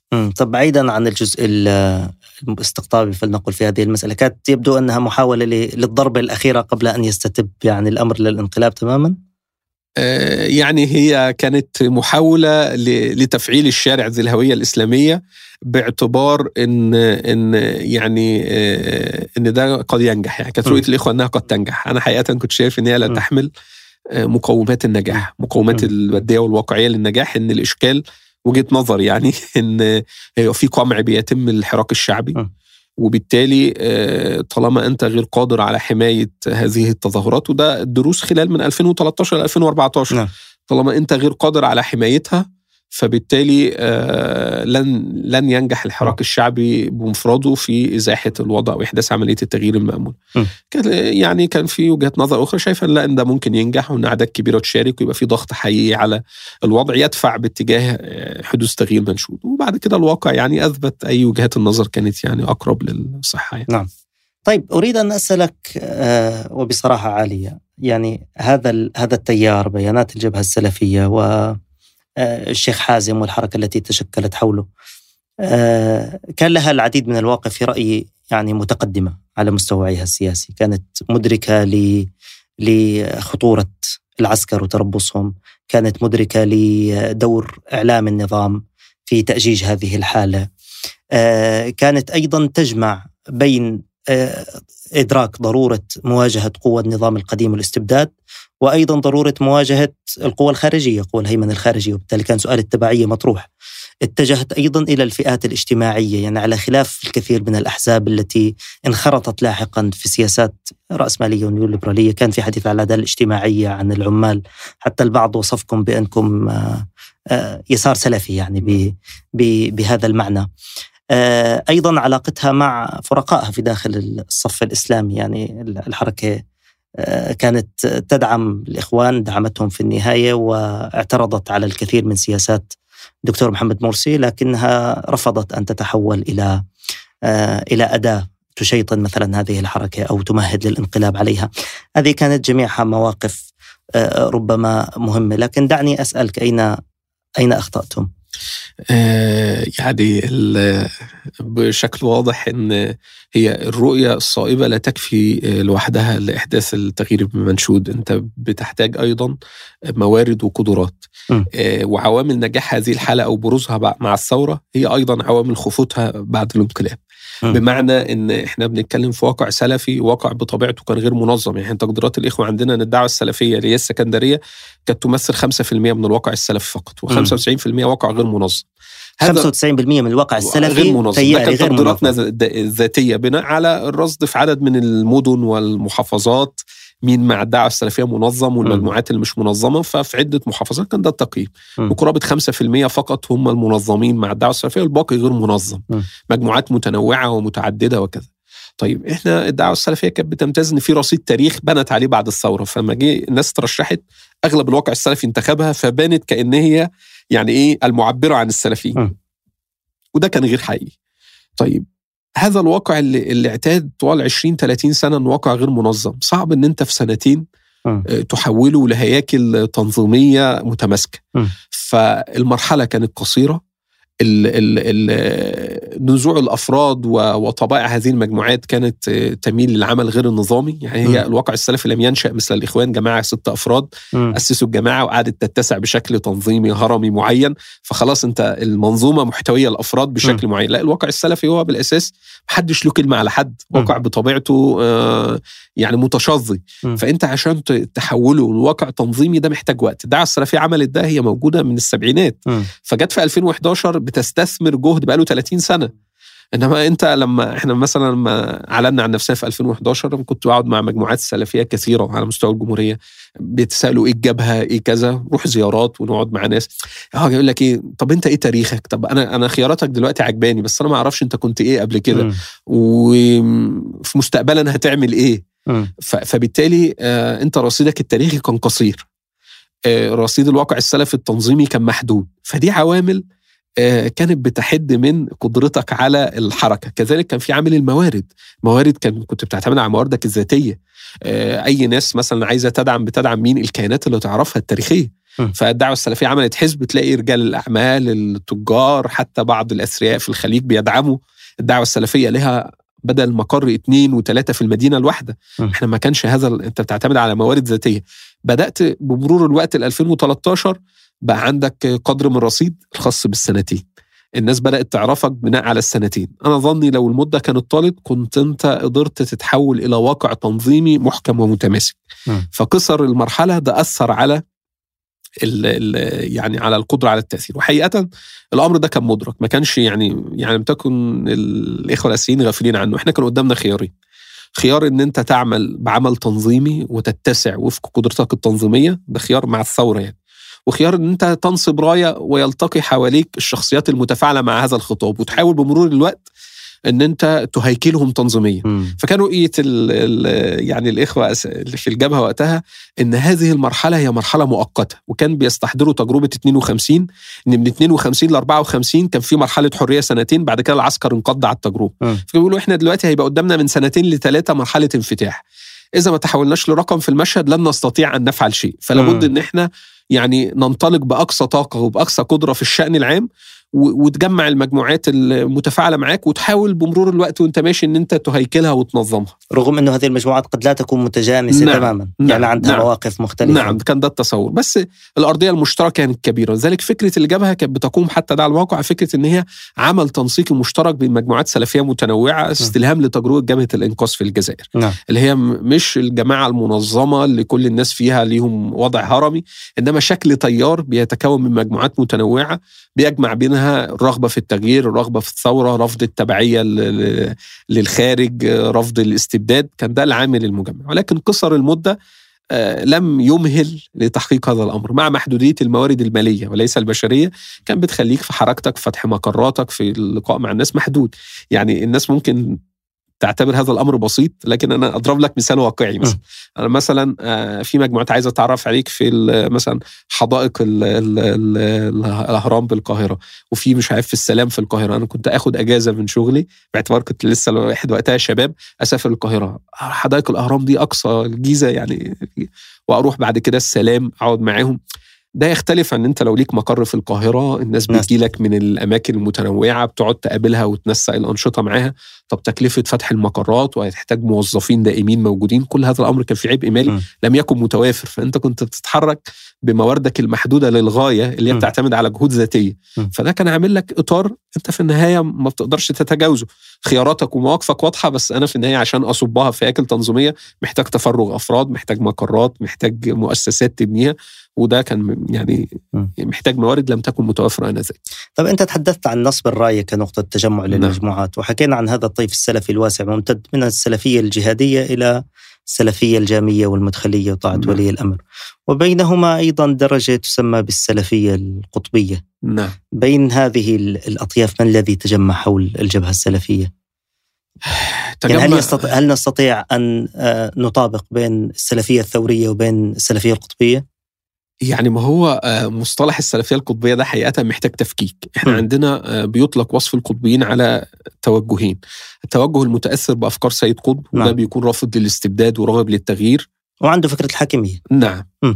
آه، وظني فكرة الحكميه الطبيعي إنها تكون عند حتى المسلمين يعني م. أي مسلم يعني يعني آه، بيقرأ في دينه وعارفه مفهوم إن م. السيادة ينبغي تكون للشرع ولكلام الله وكلام م. إلى غير ذلك وفي آه، تنظيم قطبي اللي هو أسس جماعة بعد الثوره اسمها دعوة أهل السنة والجماعة م. دي مجموعة من المشايخ الفضلاء كانوا في أحداث 65 مع سيد قطب حصل خلافات داخل السجن مع الإخوان على قضيه تكفير عبد الناصر تم فصلهم من الجماعة لما خرجوا أسسوا نشاط تنظيمي وعلى رأسهم الشيخ عبد المجيد الشيخ عبد. المجيد الشاذلي ودكتور محمد المأمون والأستاذ أحمد عبد المجيد نعم. هذه إيه آه، ما يطلق عليه بالتنظيم القطبي آه، امنيا وان كان هم بيفضلوا اسم دعوه أهل السنة والجماعه ليهم موقع الكتروني ليهم ادبيات. ليهم رموز ليهم كذا فانا لما أحيانا يطلق وصف السلفيه القطبيه يراد بيه الاثنين. الكلام ده غير دقيق ان كان على الجانب الفكري بطبيعه الحال مع تاسيس الجبهه كل الناس اللي هي رغبه في التغيير رغبه في الثوره كان في تقاطعات وتواصلات وحتى المجموعه بتاع الشيخ عبد المجيد كان في تواصلات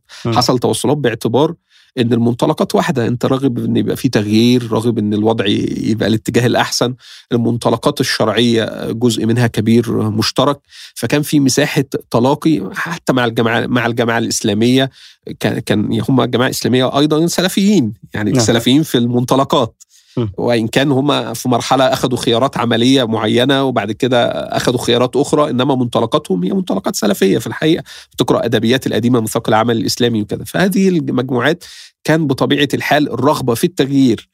من خلال العمل الثوري والعمل الشعبي حصل بينها تقاطع. الناس أو الإخوة اللي كانت بترى اللي هي فكرة العمل المسلح أو السلفية الجهادية بطبيعة الحال ما بتلاقيش تقاطع م. كبير بينها وبين الجبهة السلفية. إحنا بناخد خيار العمل الحزبي والسياسي هم رافضين ده. م. فكان يعني إيه آه، كل منهم اللي ممكن تتفاعل والأغلب كان بياخد جنب. السلفية المدخليه بطبيعة الحال ضد هذا المسار بالكامل. آه، حتى الدعوة السلفية يعني كل الكيانات السلفية غير الثورية بطبيعة الحال لا تتقاطع معك. ولكن الفئة اللي كانت مسيسه وثورية كانت فئة كبيرة. ولكن كان محتاجة وقت للقدرة على احتوائها وهيكلتها وتنظيمها. طيب لو نجح الشيخ حازم صلاح أبو إسماعيل نعم. هل تستطيع أن تتخيل ما كان شكل مستقبل هذا التيار ومستقبل مصر عموما يعني؟ هل كان هل كانت التجربة تمتلك قدرة عالية على التعبئة؟ لكن هي هي ربما ممارسه السياسة يعني هناك من يقول آه، هناك مسألة تطبيق الشريعة باعتبار إنها مرجعية أساسية وهناك مسألة تحويلها إلى برامج أو إلى قوانين أو تغيير المؤسسات نعم. وهناك بنية معقدة المسألة لن تكون بذات بذات البساطة مثلا يعني وطبعا الواحد لا يستطيع إنه يحكم على الغيب يعني كيف نعم. كان سيدير الوضع الدولة كيف كان سيكون آه، تعامل المؤسسات معاه يعني ربما مثلا احد الخيارات نقول لك ممكن تسعى لقتله هذه المؤسسات م. يعني في حالة آه، عدم القدرة على الانقلاب عادي جدا يموت بسم يموت بسقوط طائرة بس لما حدث مع يعني رؤساء دول ورؤساء وزراء ماتوا في حوادث غامضة يعني نعم. كثيرة ضياء الحق في باكستان كينيدي نفسه في أمريكا في حادثة يشوبها الكثير من الغموض ف ف فبالتالي أدوات التعامل مع الحالة دي كانت يعني ظني بس كان يحصل تصعيد من مؤسسات الدولة العميقة في محاولة استبعاده كشخص نعم.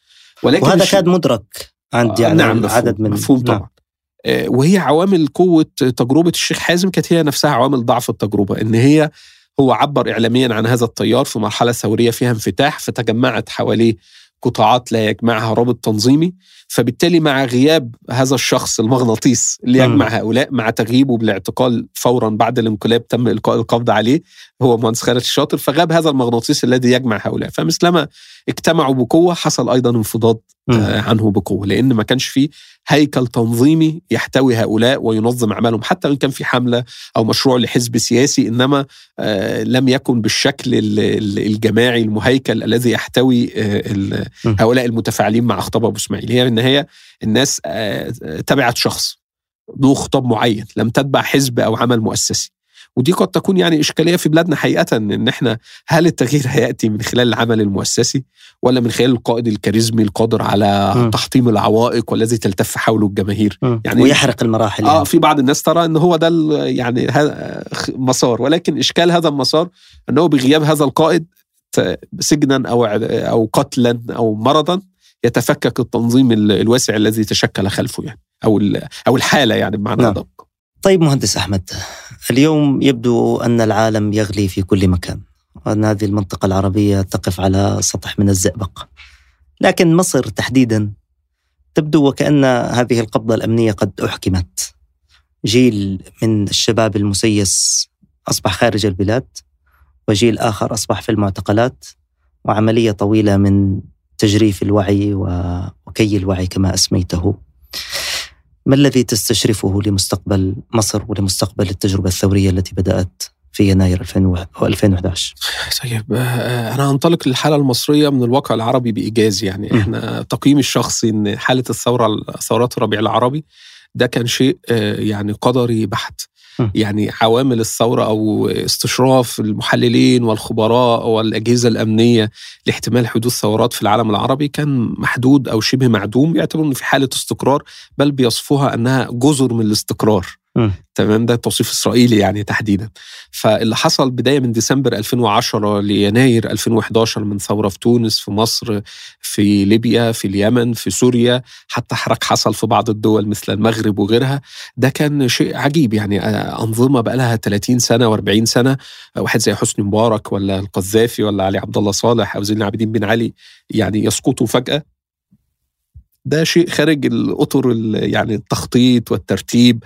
بعتبره أمر قدري. وكان في رسالة كانت مهمة أن يعني هذه الأنظمة لم يعد لها مستقبل، أنظمة ما بعد الحرب العالمية الثانية التي تأسست في هذه المنطقة وبتقوم على منظومة الاستبداد والقمع لم يعد لديها ما تقدمه للجماهير. أو يلبي احتياجات الناس. نظام عبد الناصر مثلا في مصر كان نظاما فتيا عندما نشأ آه، خاطب معاني الاستقلال والتحرر من التبعية عمل قطاع خاص إدى مكتسبات في الإصلاح الزراعي. الناس المواطن العادي الفلاح اللي طول عمره كادح في الأرض وأجير وكان في سخرة بقى عنده خمسة فدان. ما كان شيء مش الناس مش مصدقاه. التعليم مجاني في الجامعات الإيجار بقى الشقق بقى على التأبيد. الناس حست بتحسن مالي. واحد بيخاطب فيهم يعني إيه إن إحنا تحررنا من بريطانيا ما فيش قواعد عسكرية للعدوان الثلاثي وما حصل. تاميم قناة السويس السد ايديولوجيا تبرر هذا القمع نعم يعني. في مكتسبات وفي مكتسبات الناس مسكتها. طيب اللي حصل ما بعد الانقلاب حقيقة هو حصل انقلاب وحصل فعلا صناعة حالة شعبية كانت داعمة حوله ولكن الوضع لا يتحسن الوضع ينتقل كوضع المواطن العادي من سيء إلى أسوأ. آه، حالة التعليم حالة الصحة مستوى الدخل إحنا مصر ما يزيد عن 100 مليون 70% منهم تحت 30 سنة حسب. مصر بيحصل فيها تعداد سكاني كل 10 سنين يعني آخر إحصاء عندنا اللي هو كان في 2017 إحنا عندك 70 مليون تحت 30 سنة مع حركة ال ال ال الانفتاح وسائل التواصل الاجتماعي محاولة إدارة الواقع ده بواقع يعني بعقلية شمولية من بتاعة الستينات والخمسينات والأربعينات شايفه إنها بتمشي ضد حركة التاريخ. يعني الواحد يعني من الجيل اللي عصر آه، تسجيلات الكاسيت وشرايط الفيديو. كان في محلات تروح تأجر فيديو عايز تتفرج على فيلم على مسرحية عايز تجيب شريط آه، أغنية شيخ آه، كذا بتشتري من محل الكاسيت. المحلات دي قفلت. ما عادش في دلوقتي حاجة اسمها محلات كاسيت أو أو فيديو. ليه؟ خلاص حصل تطور في حركة التاريخ. جعل الحاجات دي حاجات خلاص لم يعد لها قيمة. فمن يواكب حركة التاريخ يمشي مع المستجدات. فأنا عندي إن من 2010 بعتبر إن الشعوب اتحركت في اتجاه المطالبة بحقوقها. بقى في حالة انفتاح مستوى التعليم زاد مستوى انخراط الناس وتسييس الأجيال الجديدة. حتى لو في تفاهات حتى في اهتمام بقضايا ثانوية إنما بيزيد مقارنة بما كان عليه الوضع. القدرة على التواصل الاطلاع على التجارب الأخرى الالتهام من مناطق تانية ده بقى موجود. ففكرة إن أنت تيجي تقول لي في هذا الزمن تقرأ إيه وما تقراش إيه؟ أنا أتذكر في 2014 تحقيق نيابة أمن الدولة المحقق بيقول لي انت عندك كتب سيد قطب؟ أنا قلت له آه طبعا عندي. يعني أنا اعتبرت ان إن السؤال ده سؤال إيه؟ من التراث. م. يعني آه كان ينفع في 2008 إنما ما بعد ال... ما عادش في حاجة اسمها إن أنت إيه ده الكتاب ده ممنوع أنت جايبه ليه؟ يعني الدنيا مفتوحة. مش ده اللي أنت جاي تيجي تكلمني فيه دلوقتي. ففي حالة انفجار معلوماتي وتواصل وتلاقح أفكار. النظام اللي يجي يمشي ضد ده ويقول لك تقرأ إيه وما تقراش إيه وتتكلم في إيه وما تتكلمش في إيه أنا شايف إن ده ماشي ضد حركة التاريخ. وإن مهما كانت القبضة الأمنية هي لن تكون قادرة على الاستمرار إحنا عندنا أنظمة شيوعية شمولية يعني الاتحاد السوفيتي يعني في أبشع صورها وانهار في النهاية لأن لابد يكون في درجة من الشرعية والرضا الشعبي. طالما ده موجود هتقدر تعبر الازمات طيب إذا أنت لا بتعتمد على القبضة الأمنية هتيجي في مرحلة هيحصل انفجار شعبي هذه القبضة الأمنية لن تكون قادرة على احتواء هذا الغضب وده اللي حصل في في في, في ثورة يناير. آه، أنا براهن على التغيرات الديموغرافيه والتغيرات الاجتماعية في بنية الأجيال الشابة اللي صعب إن أنت تحكمها بمنظومة أمنية. الوضع الاقتصادي لو نظرت له في مصر بعيدا عن أرقام النمو وكذا بيمشي من سيء لاسوء الديون على سبيل المثال كانت 40 مليار مليار دولار 2014 النهارده بنتكلم 138 مليار دولار. دي بيتحملها مين؟ سداد فوائد فسداد سداد الديون وفوائد الديون في الموازنة المصرية معدي 60% فوائد الديون بس تاخد 33% من الموازنة. طب النظام بيعمل إيه؟ يعني كل شوية فرض غرامات فرض رسوم في حاله احتقان حقيقي موجودة في الشارع المصري الحالي.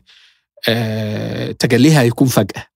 حصلت نموذج لها في سبتمبر 2019 سبتمبر 2020 فالنظام تراجع في 2020 عن قانون الغرامات على المباني وتسجيل العقارات في الشهر العقاري. بس كل فترة بياخد إجراءات فيها غرامات جديدة. عنده أزمة مالية. هيجيب منين؟ فهيضطر إنه يضع إيده في جيوب الناس. ده في ظني هيؤدي إلى في النهاية إلى آه، حراك مجتمعي هيكون صعب على النظام إن هو يحتويه. الكلام ده ممكن يبقى بعد سنة بعد خمسة إنما هو ده مسار حركة التاريخ من وجهة نظري. كذلك المنظومة الدولية والإقليمية بتمر بمرحلة سيوله واعاده تشكل. آه، أمريكا اللي كانت يعني آه، لها الكلمة الأولى ما حدث مشهد اللي حصل في انسحاب من أفغانستان وهذا الشكل الفوضوي وانسحاب الناتو. ظني إنها هتكون له تداعيات يعني هتاخد شكل لغاية ما تتبلور في شكل كامل. إنما هي معناها أن القبضة الأمريكية في المنطقة آه، أو الهيمنة بتتراجع بشكل ضخم. وده أدى لحالة سيولة. نشوف في دول بتعيد التموضع. بعد ما كانوا ضد إيران بيروحوا زيارات لإيران. دول كانت خلاص بتحاصر دول وعايزة السنة الماضية لازم من آه لقاء يعني. الخصوم يعني, يعني. آه. والناس تتصور مع بعض وبعد ما كانوا خلاص يعني هيشيلوا بعض. ففي حالة إعادة تموضع وسيولة وإعادة تحالفات في المنطقة هي نتيجة التغيرات الموجودة في الوضع الدولي. طب هذا الوضع أنا شايف إن إن كل من يسير ضد حركة التاريخ وبيستلهم منظومة القمع الشامل وإنه آه، آه، يتحرك وفق النظام السوفيتي القديم ده لن يكون له مستقبل. مهما كانت القبضة الأمنية في النهاية لابد من الاستماع لمطالب الناس. شوف حتى بعض دول الخليج بدأت تعمل مجال الشورى. ليه؟ يعني م. حتى رغم إن ما فيش حراك داخلي إنما م. هو دي حركة التاريخ. الناس بقى لها رأي بقى لها دور. بل والله يمكن يا مهندس ليست حركه التاريخ هي الطبيعه الإنسانية دائما صحيح. يعني الناس لا تحكم إلا بمن يرضاها يعني. بالضبط. ف... فانا شايف النظام المصري آه، طبعا قبضه امنيه قوية نجح في قمع الوضع مسيطر على كل حاجة بس هو ده الخطأ الاستراتيجي اللي بيقع فيه. لا لابد إنه يفتح مسارات إن يبقى في تلبية لاحتياجات الناس. إحنا عندنا كل حاجة النظام بياخد غرامات ضرائب هنعمل طرق نزيل منازل. الكلام ده كله بيكرس حالة من حالات الاحتقان. اللي هتتفجر بشكل الله أعلم هيكون إيه. وهل بعض الجهات هترى إن هذا الوضع صعب فتكرر يعني إنها تاخد مسار مغاير زي ما السادات عمل مثلا بعد عبد الناصر؟ ربما. إنما استمرار هذه الحالة أنا في ظني انه انه إنه شيء يعني تقييمي أنه شيء مستحيل. قنبلة موقوتة تنتظر نعم, نعم ده يعني عبر عنه بعض التقارير حتى على وفار في دراسة الاتحاد الأوروبي.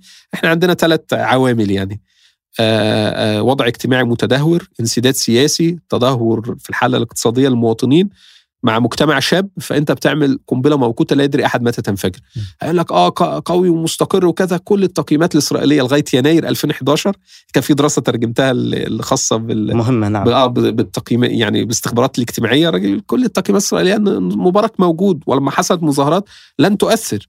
لأنه يعني المعطيات بيبني على معطيات 30 سنة. إنما لا حقيقة ولم يتنبؤوا بالانتفاضة الأولى ولا بسيطرة يعني حماس 2000 دائما حراك الشعوب بيكون مفاجئ. هذا ما نامله ويبدو أنه أيضا يعني أقدارنا العربية أقدار متشابكة ومشتركة. شكرا جزيلا مهندس أحمد على هذا اللقاء. نعم. سعدت باستضافتك. يا نعم. مرحبا. ربنا يكرمك. أكرمك الله أخونا.